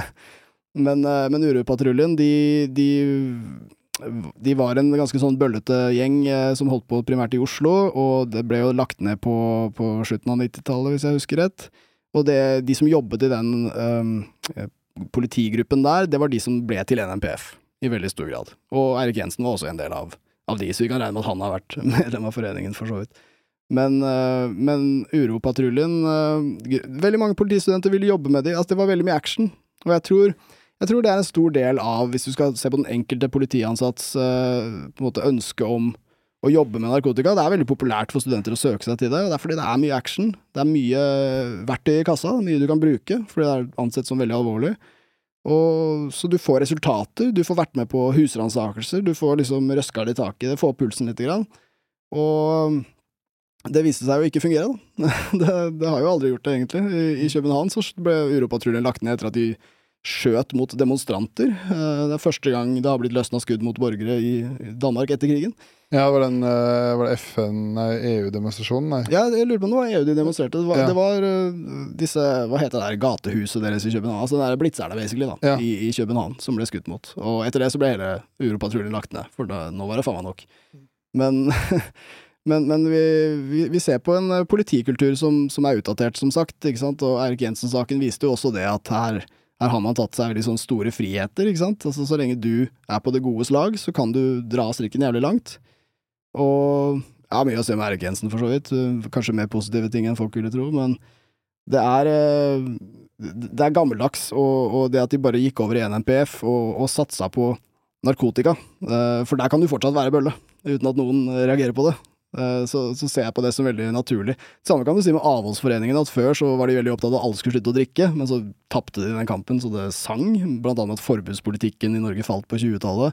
Og etter det så, så var det, gikk det dårlig med dem i 40 år, så kom narkotika, og da flytta alle fokus over dit. Mm. Så nå er det, nå er det jobber ikke Det så det- veldig mye med totalavhold av alkohol For det var det argumentet med at uh, alkohol er for sterkt forankra i kulturen Ja. til å kunne gjøre noe med. Ja, og den dukker opp hele tida. Ja. Ja. Frp driver og vi har hjemmebrent lovlig, for det er del av norsk kultur, men det er arabernes hasj, det skal vi faen ikke. Uh, Eller vi eh, Det er vel eh, Nå er det mulig jeg er ute på dypt vann her, men det er jo sånn her det er vel veldig sånn der, eh, kjent fenomen om at uh, vikingene tok uh, fleinsopp eller drev med sopp før de skulle ut i, i kamp òg. ja. Så da kan man jo på en måte dra det så langt. eh, Skulle ønske vi hadde bedre beviser for det. Vi Ja. har ikke en eneste jævla bevis på det. Det er ikke det, da? Nei, nei, sant? det er bare noe jeg har hørt. Uh, Ja, ja, det, det, etter all sannsynlighet så har det skjedd. Altså, Det er rart om de ikke har det, på en måte. Men, men vi, har, vi har noen tekster i noe, noe kvad og noe greier som vitner om det, men det er ingen sånn historie. De fant cannabisfrø i Osebergskipet, så de har dyrka cannabis og lagd hamptau, trolig. Men, men, men når det kommer til soppbruken, så dessverre så uh, Mye myter der, ja. Ja, ok, ja, men det er Mm. bra du kan ta, meg, ta faktasjekken på det. Men sånn uh, to ting avslutningsvis, da. Sånn i forhold til sånn, uh, hvordan, hvordan stilte du deg til Var det når den Eirik Jensen-saken ble rulla opp, da? Mm. Som liksom har mye kunnskap om miljøet og hvordan ting har vært. Altså, Eh, hvordan var det Var det overraskende, eller, var, eller var det noe som man venta på skulle skje, eller hvordan var det? Ja, altså det, det, var, det var veldig, veldig overraskende, vil jeg si. Eirik Jensen var veldig profilert uh, politimann i Oslo, kanskje den mest profilerte, egentlig. Og uh, jeg, jeg, kjente jo ikke detaljene før de kom ut, uh, om at det har vært veldig Altså, de har, de har jo driti seg helt ut ved å stole masse på Cappelen, liksom, så har han stort sett bare fått frikort til å gjøre hva han vil, og drive og ta ut konkurrentene sine, og endte opp som en stor aktør på markedet, fordi han er untouchable, liksom. Det var ganske sprøtt. Men det var, det var, overraskende å se politiet gå så hardt ut mot en av sine egne. Det var det. Um, samtidig så skjønner jeg at de gjorde det, fordi når Cappelen først eh, ble tatt og begynte å løsne på snippen, så sa han ting som var såpass drøye at, at da måtte de gjøre det. Da ble jo Erik Jensen arrestert. Det var litt motvillighet, i, hvert fall i starten av den prosessen, var det ikke det? Jo da, jo, jo det var det. Og, og det et, den, den, saken mot Erik Jensen er et resultat av at han har fått et rykte internt over lang tid da, om at det er liksom noe som skurrer lite grann, og er litt for mye venn med de kriminelle og, og sånn. Og, og, det er på en måte den, den, gruppa av kritikere internt som tar tak i saken, og som velger å si at ja, nå, skal vi faktisk arrestere Erik Jensen i parkeringshuset på Grønland. Uh, og ja, nei, jeg, jeg ble overraska over det, og jeg, jeg syns Cappelen har fått lov å bestemme ganske mye i den saken. Jeg syns ikke han har noen form for troverdighet. Han har tysta på alle hele veien. Han tysta på vennene sine i retten, og han tysta på Eirik for å slippe fri, og han han, han, eh, Se på den flydropp-saken, så har han jo lurt andre kriminelle til å begå handlinger som politiinformant. Ikke sant? Så, var det den der, han har ikke noe kredibilitet. Den motorsykkellegen i Nord-Norge? Ja, ja, ja, kalt Nordlandsmafiaen. Ja. Nordlandsmafiaen var det, ja. Ikke sant? De, de, fikk jo ikke tak i ordentlig amfetamin, men så kom det en fyr som sa ja, men jeg kjenner folk som har ordentlig amfetamin i Nederland, og det var Gjermund Cappelen, som da var politiinformant, så, som ordna speeden for dem i i Nederland. Og når de da fløy over til Norge, så sto politiet klare, og så ble de tatt. Og når de da dukker opp i retten, så er alle tiltalt, bortsett fra én fyr, og det var han derre duden som sa han skulle ordne det. Og han sitter til og med på tilhørerbenken i retten, og ifølge Cappelen var det helt tilfeldig. Men at han da på en måte skulle få definere alt i den saken, det syns jeg var litt rart. For han har jo ingen kredibilitet, egentlig. Han gjør alt for å slippe unna. Så og jeg, viktigste jeg vil nevne med den saken, er at jeg, jeg mener personlig at det ikke er godt bevist at Eirik Jensen bidro til hasjsmugling. Um, de klarte ikke å bevise at han hadde tjent masse penger. De klarte ikke å bevise at han hadde Selv om de der SMS-ene var litt rare, så kan de ha betydd noe annet. Hva var det med, hva med det pengekjøkkenet og det Ja, det pusse opp badet-greia var ikke så bra. Uh, for det, det, er korrupsjon. Altså, ja. Så det at han lot Cappelen pusse opp badet hans og, og, løy om det og ble avslørt og sånn, det, det, gjør at jeg mener at Eirik Jensen burde bli funnet skyldig i grov politikorrupsjon. Men så er greia det at strafferammen for det, det er maks åtte år. Og det syns jeg kanskje er litt lavt.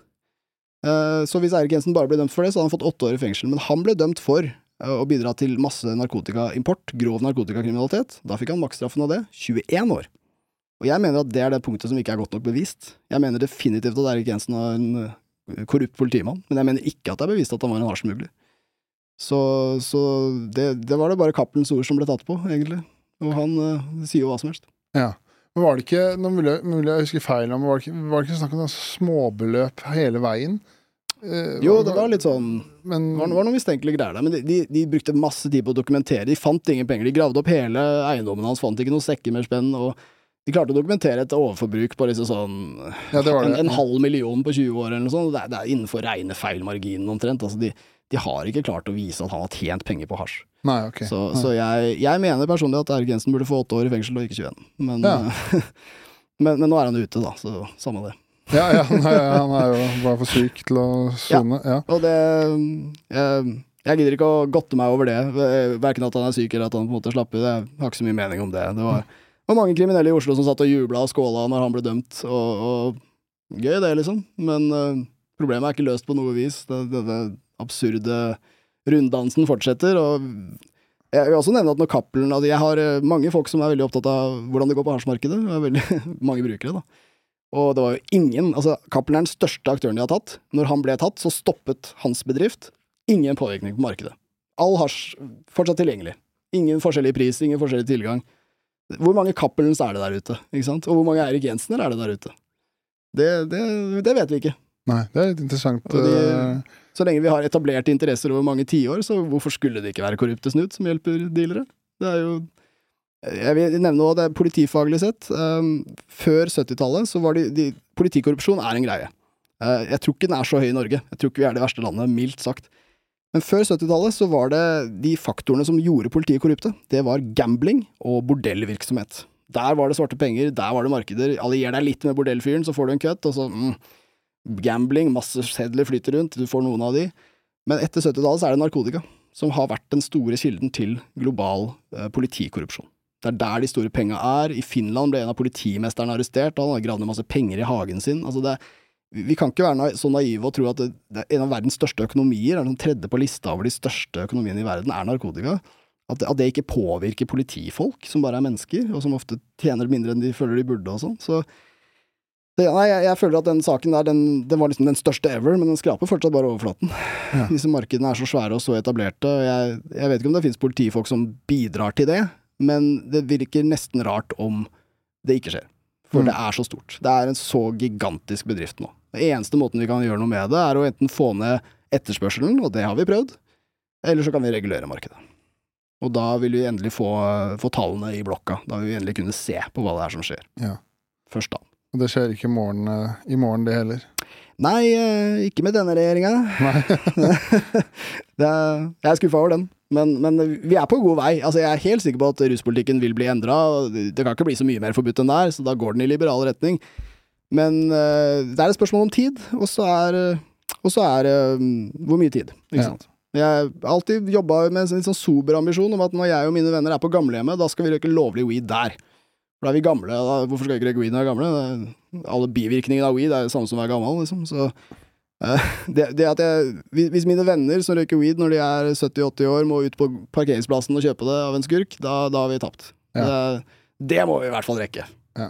Gi, gi oss, oss 30-40 år, da så skal det loven være endra. Det, det, er en sober ambisjon fra min side. Ja, det vil, eh, det vil eh, Jeg tror det går fort. Merke, jeg vil, vil eh, synes det er merkelig hvis ikke det er tilfellet. det må, ikke sant, det ja, må gå. Det, det, det, du skal puste, du og kompisen kan puste litt ut. Jeg tror det skjer før, altså. Jeg er ikke så pessimist. Men, men, det er irriterende hvor sakte det går. Mm. Det er det. Dette er ingens viktigste sak. Kanskje bortsett fra meg, da. Ingen, ingen av politikerne, i hvert fall. Nei, nei, nei. Og så eh, aller siste ting, så skal vi, kan vi eh, avslutte. Men det er veldig sånn derre um, det, det, er skriverier i media og, og, og, sånn en liten debatt som er gående om uh, hva poli, Altså sånn forhold til når politiet stopper en person på gata eller en ungdom på gata mm. og skal ransake de, eller og sånn.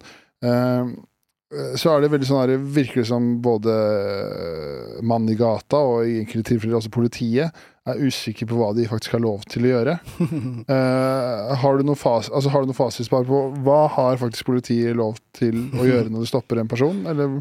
Jeg er glad du spør om det, og det, det kan bli et sånn stort siste aber her. Altså, jeg, jeg, elsker å snakke om det, så jeg gjerne, men jeg har mye å si om det. Altså, det som er, det som er greia, er at uh, Politiet har brukt eh, for mye makt i brukersaker, så de har uh, vent seg til å gjøre feil. Og det har skjedd veldig lenge. Uh, bakgrunnen for det, det er at hvis du bare sier bruk, da, kun bruk, ikke kjøp, salg, kanskje besittelse, men sånn til eget bruk besittelse, det er ikke en stor forbrytelse. I, I, straffeloven så er den liksom på nivå med å få en parkeringsbot, en, en forseelse, da. Og det, det, er det som, altså Hvor stor forbrytelsen er, er det som avgjør hvor mye maktmidler politiet har lov å bruke. Så hvis du er mistenkt for salg, eh, det betyr at da har du en strafferamme på inntil seks måneder. Da kan eh, politiet uh, ransake leiligheten din, de kan ransake telefonen din, de kan til og med kanskje be om urinprøve, og de kan gå litt sånn hardere til verks. Men når det kun er bruk, bare så det er sagt, da, da er det det magiske ordet sjelegrunn. Ja. Ikke sant? Ja, som, ja. Det kan være, som også er vanskelig å forstå seg på noen ganger. Ja, nei, altså Sjelig grunn er bare magefølelse, egentlig. Ja. Men, men, den skal kunne du, skrives ned. Altså, du, du, skal ha noe å gå etter, og du må stå ved det. Det var det, var det skjellige, liksom. Men, uh, men, men i, i, det politiet har gjort før, da, er at de har behandla brukere som selgere. Uh, når det kommer til maktbruk. Og det de har sagt, er at ja, når du bruker, så er det en indikator på at du Eh, og kanskje selger også. Og det er jo bare ikke sant. Det er en snarvei. Og det de har gjort det for, er jo fordi at når de kan sjekke mobiltelefoner og boliger til folk, så finner de ofte spor etter andre brukere, så kan de fortsette, og så til slutt finner de kanskje en selger eller to, ikke sant, og så er de jævlig fornøyd med, med resultatene. Så for dem og deres etterretning så er det gunstig. Men så har det aldri vært lov, da. Uh, så, så det, det politi... Og jeg ser media skriver feil om det hele tida. VG gjorde det her om dagen. Det står at politiet ikke har lov å ransake folk lenger. Det er selvfølgelig bare tull. Altså, politiet har lov å ransake, det er jo bare fordi de har lyst og, og, sånn skal det liksom være. De har lov å sjekke lommene dine. Uh, de Men kan, har sånn som hvis jeg går nedover, Ja. uh, nedover Karl Johan i morgen, da, mm, og så kommer politiet over til meg og bare Hei, stell deg inn til veggen og sjekker meg uten noe mistanke. Jeg har ikke noe, mm. uh, jeg har ikke noe kjenning av politiet. Jeg har ikke noe som tilsier at jeg har noe form for tilknytning til rusmidler. Mm. Har da for, er, er fortsatt politiet lov til det, da? Nei, altså de, det, det skal jo begrunnes, da. Så, Ja, så hvis, du, hvis du spør, så skal de ha et svar til deg. Ja. Men eh, Nei, altså, jeg, Nå kommer sikkert uh, jurister og kriminologer til å ta meg, siden jeg, det er ikke mitt fagfelt egentlig. Men det, du har plikt til å oppgi til politiet. Det er som navn, uh, bosted, yrke, alder, omtrent noe sånt. Ja. That's it. Trenger ikke å si hvor du jobber, bare yrket ditt. Uh, og så er det det at de har lov å sjekke lommene dine. De har lov å spørre deg masse, alle spørsmål i verden, men du har ikke pliktig til å svare. Det er lov å, ikke, det er lov å nekte avhør i Norge også. Eh, men så er det det at de, de kan ikke sjekke mobilen din hvis du bare er mistenkt for bruk. De kan ikke sjekke boligen din, de kan ikke be om urinprøve. Men det har de altså gjort. Og, og det som skjedde, var at uh, Riksadvokaten fant ut det, og det skjedde under en høring til rusreformen, hvor da en, en uh, statsadvokat fra Oslo advokat, statsadvokatembetet, Geir Evanger, også nestleder i NPF, uh, satt og sa at ja, men det her er jo kjempevanlig, det har vi gjort i alle år. Og så kom Riksadvokaten etter han, og det var pga. en teknisk feil, han skulle egentlig vært først. Så, og sa ja, men det er, det er ikke lov, har dere gjort det, hvor lenge har dere gjort det? og så kom det da en instruks fra Riksadvokaten hvor det stod at sånn, nei, nei, det skal være uh, forholdsmessig, uh, denne maktbruken. Og det er den ikke når det er en så liten forbrytelse. Så da, da ble politiet litt sånn vingeklippa, for de har vært vant til å gjøre dette her. Og, og siden det så har det vært masse kampanjer i media hvor politiet sier sånn nei, vi, vi skjønner ikke hvordan vi skal gjøre det lenger. Er Så, men, men det som egentlig skjer, er at jeg har vært veldig vant til å plukke disse lavthengende fruktene med, med stor kraft. Eh, og nå, nå må de plukke kjempeforsiktig, og så er de ikke da så veldig interessert i det lenger. Politiet har valgt bort eh, narkotika nå, eh, brukersaker, i veldig stor grad. Og en annen ting som har kommet inn og forvirra litt, det er Og jeg vet det her er teknisk, eh, men eh, Høyesterett har også endret sin praksis, som, som da tilsier at hvis du er en rusavhengig person, så skal ikke du bli dømt for brukerdoser, altså besittelse og bruk av, av det som bare er til deg. Og det her har jo media ikke klart å formidle videre, så nå tror folk at det gjelder alle, men det gjelder egentlig bare tunge rusavhengige, og så er det ingen som kan definere hvem de er. Ja, for det, det er jo noe av hovedproblemet rundt det der, ikke det? Det er det store At man skal liksom kunne avgjøre hvem er, hvem er for syk for straff. Ikke sant? Og Ja. regjeringen vi har nå, de jo, sa jo nei til rusreformen, men de skal lage sin egen, og den er jo da basert på at vi skal straffe noen, og ikke andre. Og de, de som ikke skal straffes, er de som har tunge rusproblemer. Men de klarer jo ikke å definere hvem det er. Og samtidig har vi en grunnlov som sier at uh, loven skal være lik for alle. Så jeg tror at de, de har starta et umulig prosjekt. Det, det, det går ikke an å det, innføre det de har lovet oss. Men eh, det, er- er der liksom forvirringen kommer eh, fra. At, at både hvis du er rusavhengig, så skal ikke politiet starte en straffesak engang. De, skal, de vil alltid ta rusmidlene fra deg hvis de er ulovlige, du får ikke beholde de, men det blir ikke noe mer hvis du er rusavhengig, på en måte. Det er, eh, det er sånn det har blitt. Og i tillegg til det så har ikke politiet lenger lov til å gå gjennom bolig, urin og, og mobil i, i brukersaker, men, men ellers er det ikke noe mer, mer enn det, holdt på å si. Altså, politiet kan ellers operere akkurat som før. De hadde hatt mye mer mulighet til å visitere og sjekke ting hvis rusreformen ble vedtatt, ironisk nok. Men sånn som det er i dag, så hadde de en praksis som var ulovlig, og når det ble kjent, så, så måtte de slutte. Og, og siden det så har de vært ute i media og sagt at vi, vi har mistet uh, disse mulighetene. Det har, det har vært en endring som gjør at vi, vi får ikke lov lenger, og sånn, og det syns jeg er jævlig frekt når de gjør. For de har aldri hatt lov. Det er masse, masse ofre for den ulovlige praksisen. De burde få en unnskyldning, men i stedet er det politi som krever en unnskyldning for å ha brutt loven. Så, ja. Det, egentlig kan politiet gjøre nøyaktig som før, det er bare det at hvis narkosaken er veldig liten, så kan de ikke bruke så mye makt som de pleide. That's it. Ja. De kan absolutt operere akkurat som før ellers. Sånn satt, litt på, satt veldig på spissen der, da, så er det jo vil, vil det nesten uh, være en fordel å være eh, ordentlig rusmisbruker, da. Uh, Ja, sånn, det, sånn hvis du blir tatt av politiet, så bare nei, jeg har nå, over, nå kødder jeg til med deg. så Sånn, ja, ja, klart jeg har et dypt problem. Uh, Ja. Og, og, og, nå sitter jo vi her i, i en underlig situasjon i, i august 2023, ø, fordi det er ikke avklart, ikke sant? Hvem er rusavhengig? Høyesterett har sagt da skal du ikke starte straffesak engang. Men så vet ikke politiet, og til deres forsvar, de vet ikke hvem det er. Så for å ta et scenario, da. Eh, Du er politimann, eh, du tar meg, jeg har noe narko i rommet av noe slag, og så, og så sier jeg da til deg, ikke ta det fra meg. Eh, kanskje jeg til og med sier jeg er rusavhengig, men sånn, da ødelegger du livet mitt. Da, da vil det gå dårlig for meg. Da skal du som politimann på en eller annen måte bevise eller ta til orde for at jeg ikke er rusavhengig.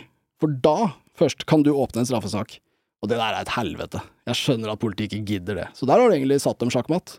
Ja. Eh, det, vi kanskje ikke claime Funke å claime rusavhengighet hvis du ser jævlig fresh ut, da. Ikke sant? Men, eh, men, men sånn som eh, lovverket er i dag, så har vi det uavklart hvem det er. Noen definerte skal slippe, men hvem er de? Ja, da kan alle si de er de, da. Det er, det er der vi er i dag. Ja. Jeg skjønner at politiet er forvirra over det, men i all praksis så er det bare å si at yo, du er 14 år og har en joint, du er ikke rusavhengig. Altså, det, det blir straffesak. Det er, det er alt de trenger å gjøre, men, men det gidder de ikke. Og derfor har antall brukersaker stupt veldig. Ja. Men øh, så er det to ting på en gang. Det er en instruks fra Riksadvokaten som har strammet inn hvilke maktmidler som kan brukes, og så er det en instruks fra Høyesterett som handler om at øh, hvis folk er rusavhengige, så skal, skal ikke du gjøre livet deres verre ved å, ved å straffe dem. Og det er ikke noe som burde være så vanskelig for politiet å navigere. Dette minner meg litt om når de sa at legalisering og avkriminalisering er, så, er så vanskelig å vite forskjellen. Ungdommen tror narko er lovlig fordi vi snakket om avkriminalisering. Det er ikke vanskelig å si den forskjellen i det hele tatt. Det burde de få til. Ja. Jeg skjønner ikke hvorfor de spiller så dumme. De er jo kjempefaglige. Alle norske portefolk har bachelor. Jeg har skrevet bacheloroppgave, så skjønner du ikke en øh, vanlig instruks. Jeg, jeg, jeg, alle føler- over de igjen er jurister. Ja. ja. jeg, jeg tror de bare savner de gode gamle dagene, altså. Mm. Men de gamle dagene var preget av lovbrudd, og det, det er ikke noe å være stolt av. Nei, på ingen måte.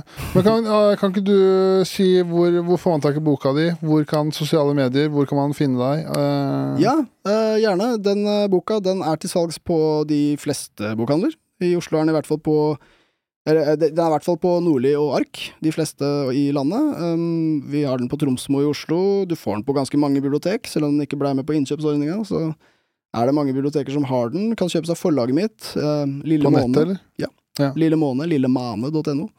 Og en shout-out til eh, min forlegger Jan, som, eh, som bidro til at dette ble en, mulig. Eh, så ja, bestill den gjerne der. Det kommer Jeg tror den er tilgjengelig som e-bok, ja, det er den. Det kommer lydbok også. Og hvis du vil høre mer av den uh, pratsomme stemmen min, så er det mulig å høre på podkast om rus, som er på alle plattformer. Du kan følge meg på Twitter, der jeg heter Buffertfusk, at Reynolds420, snart også på Blue Sky, fordi Elon Musk uh, fucker opp. Um, ja. Ja, det, Det- er helt, eh, helt nydelig. Bli medlem av Foreningen Trygge ruspolitikk. Vi driver med Rusopplysningen, Rusvakta, Rusmiddelanalyse. Vi får lite støtte, men blir man medlem, så er det til stor hjelp. Så ja.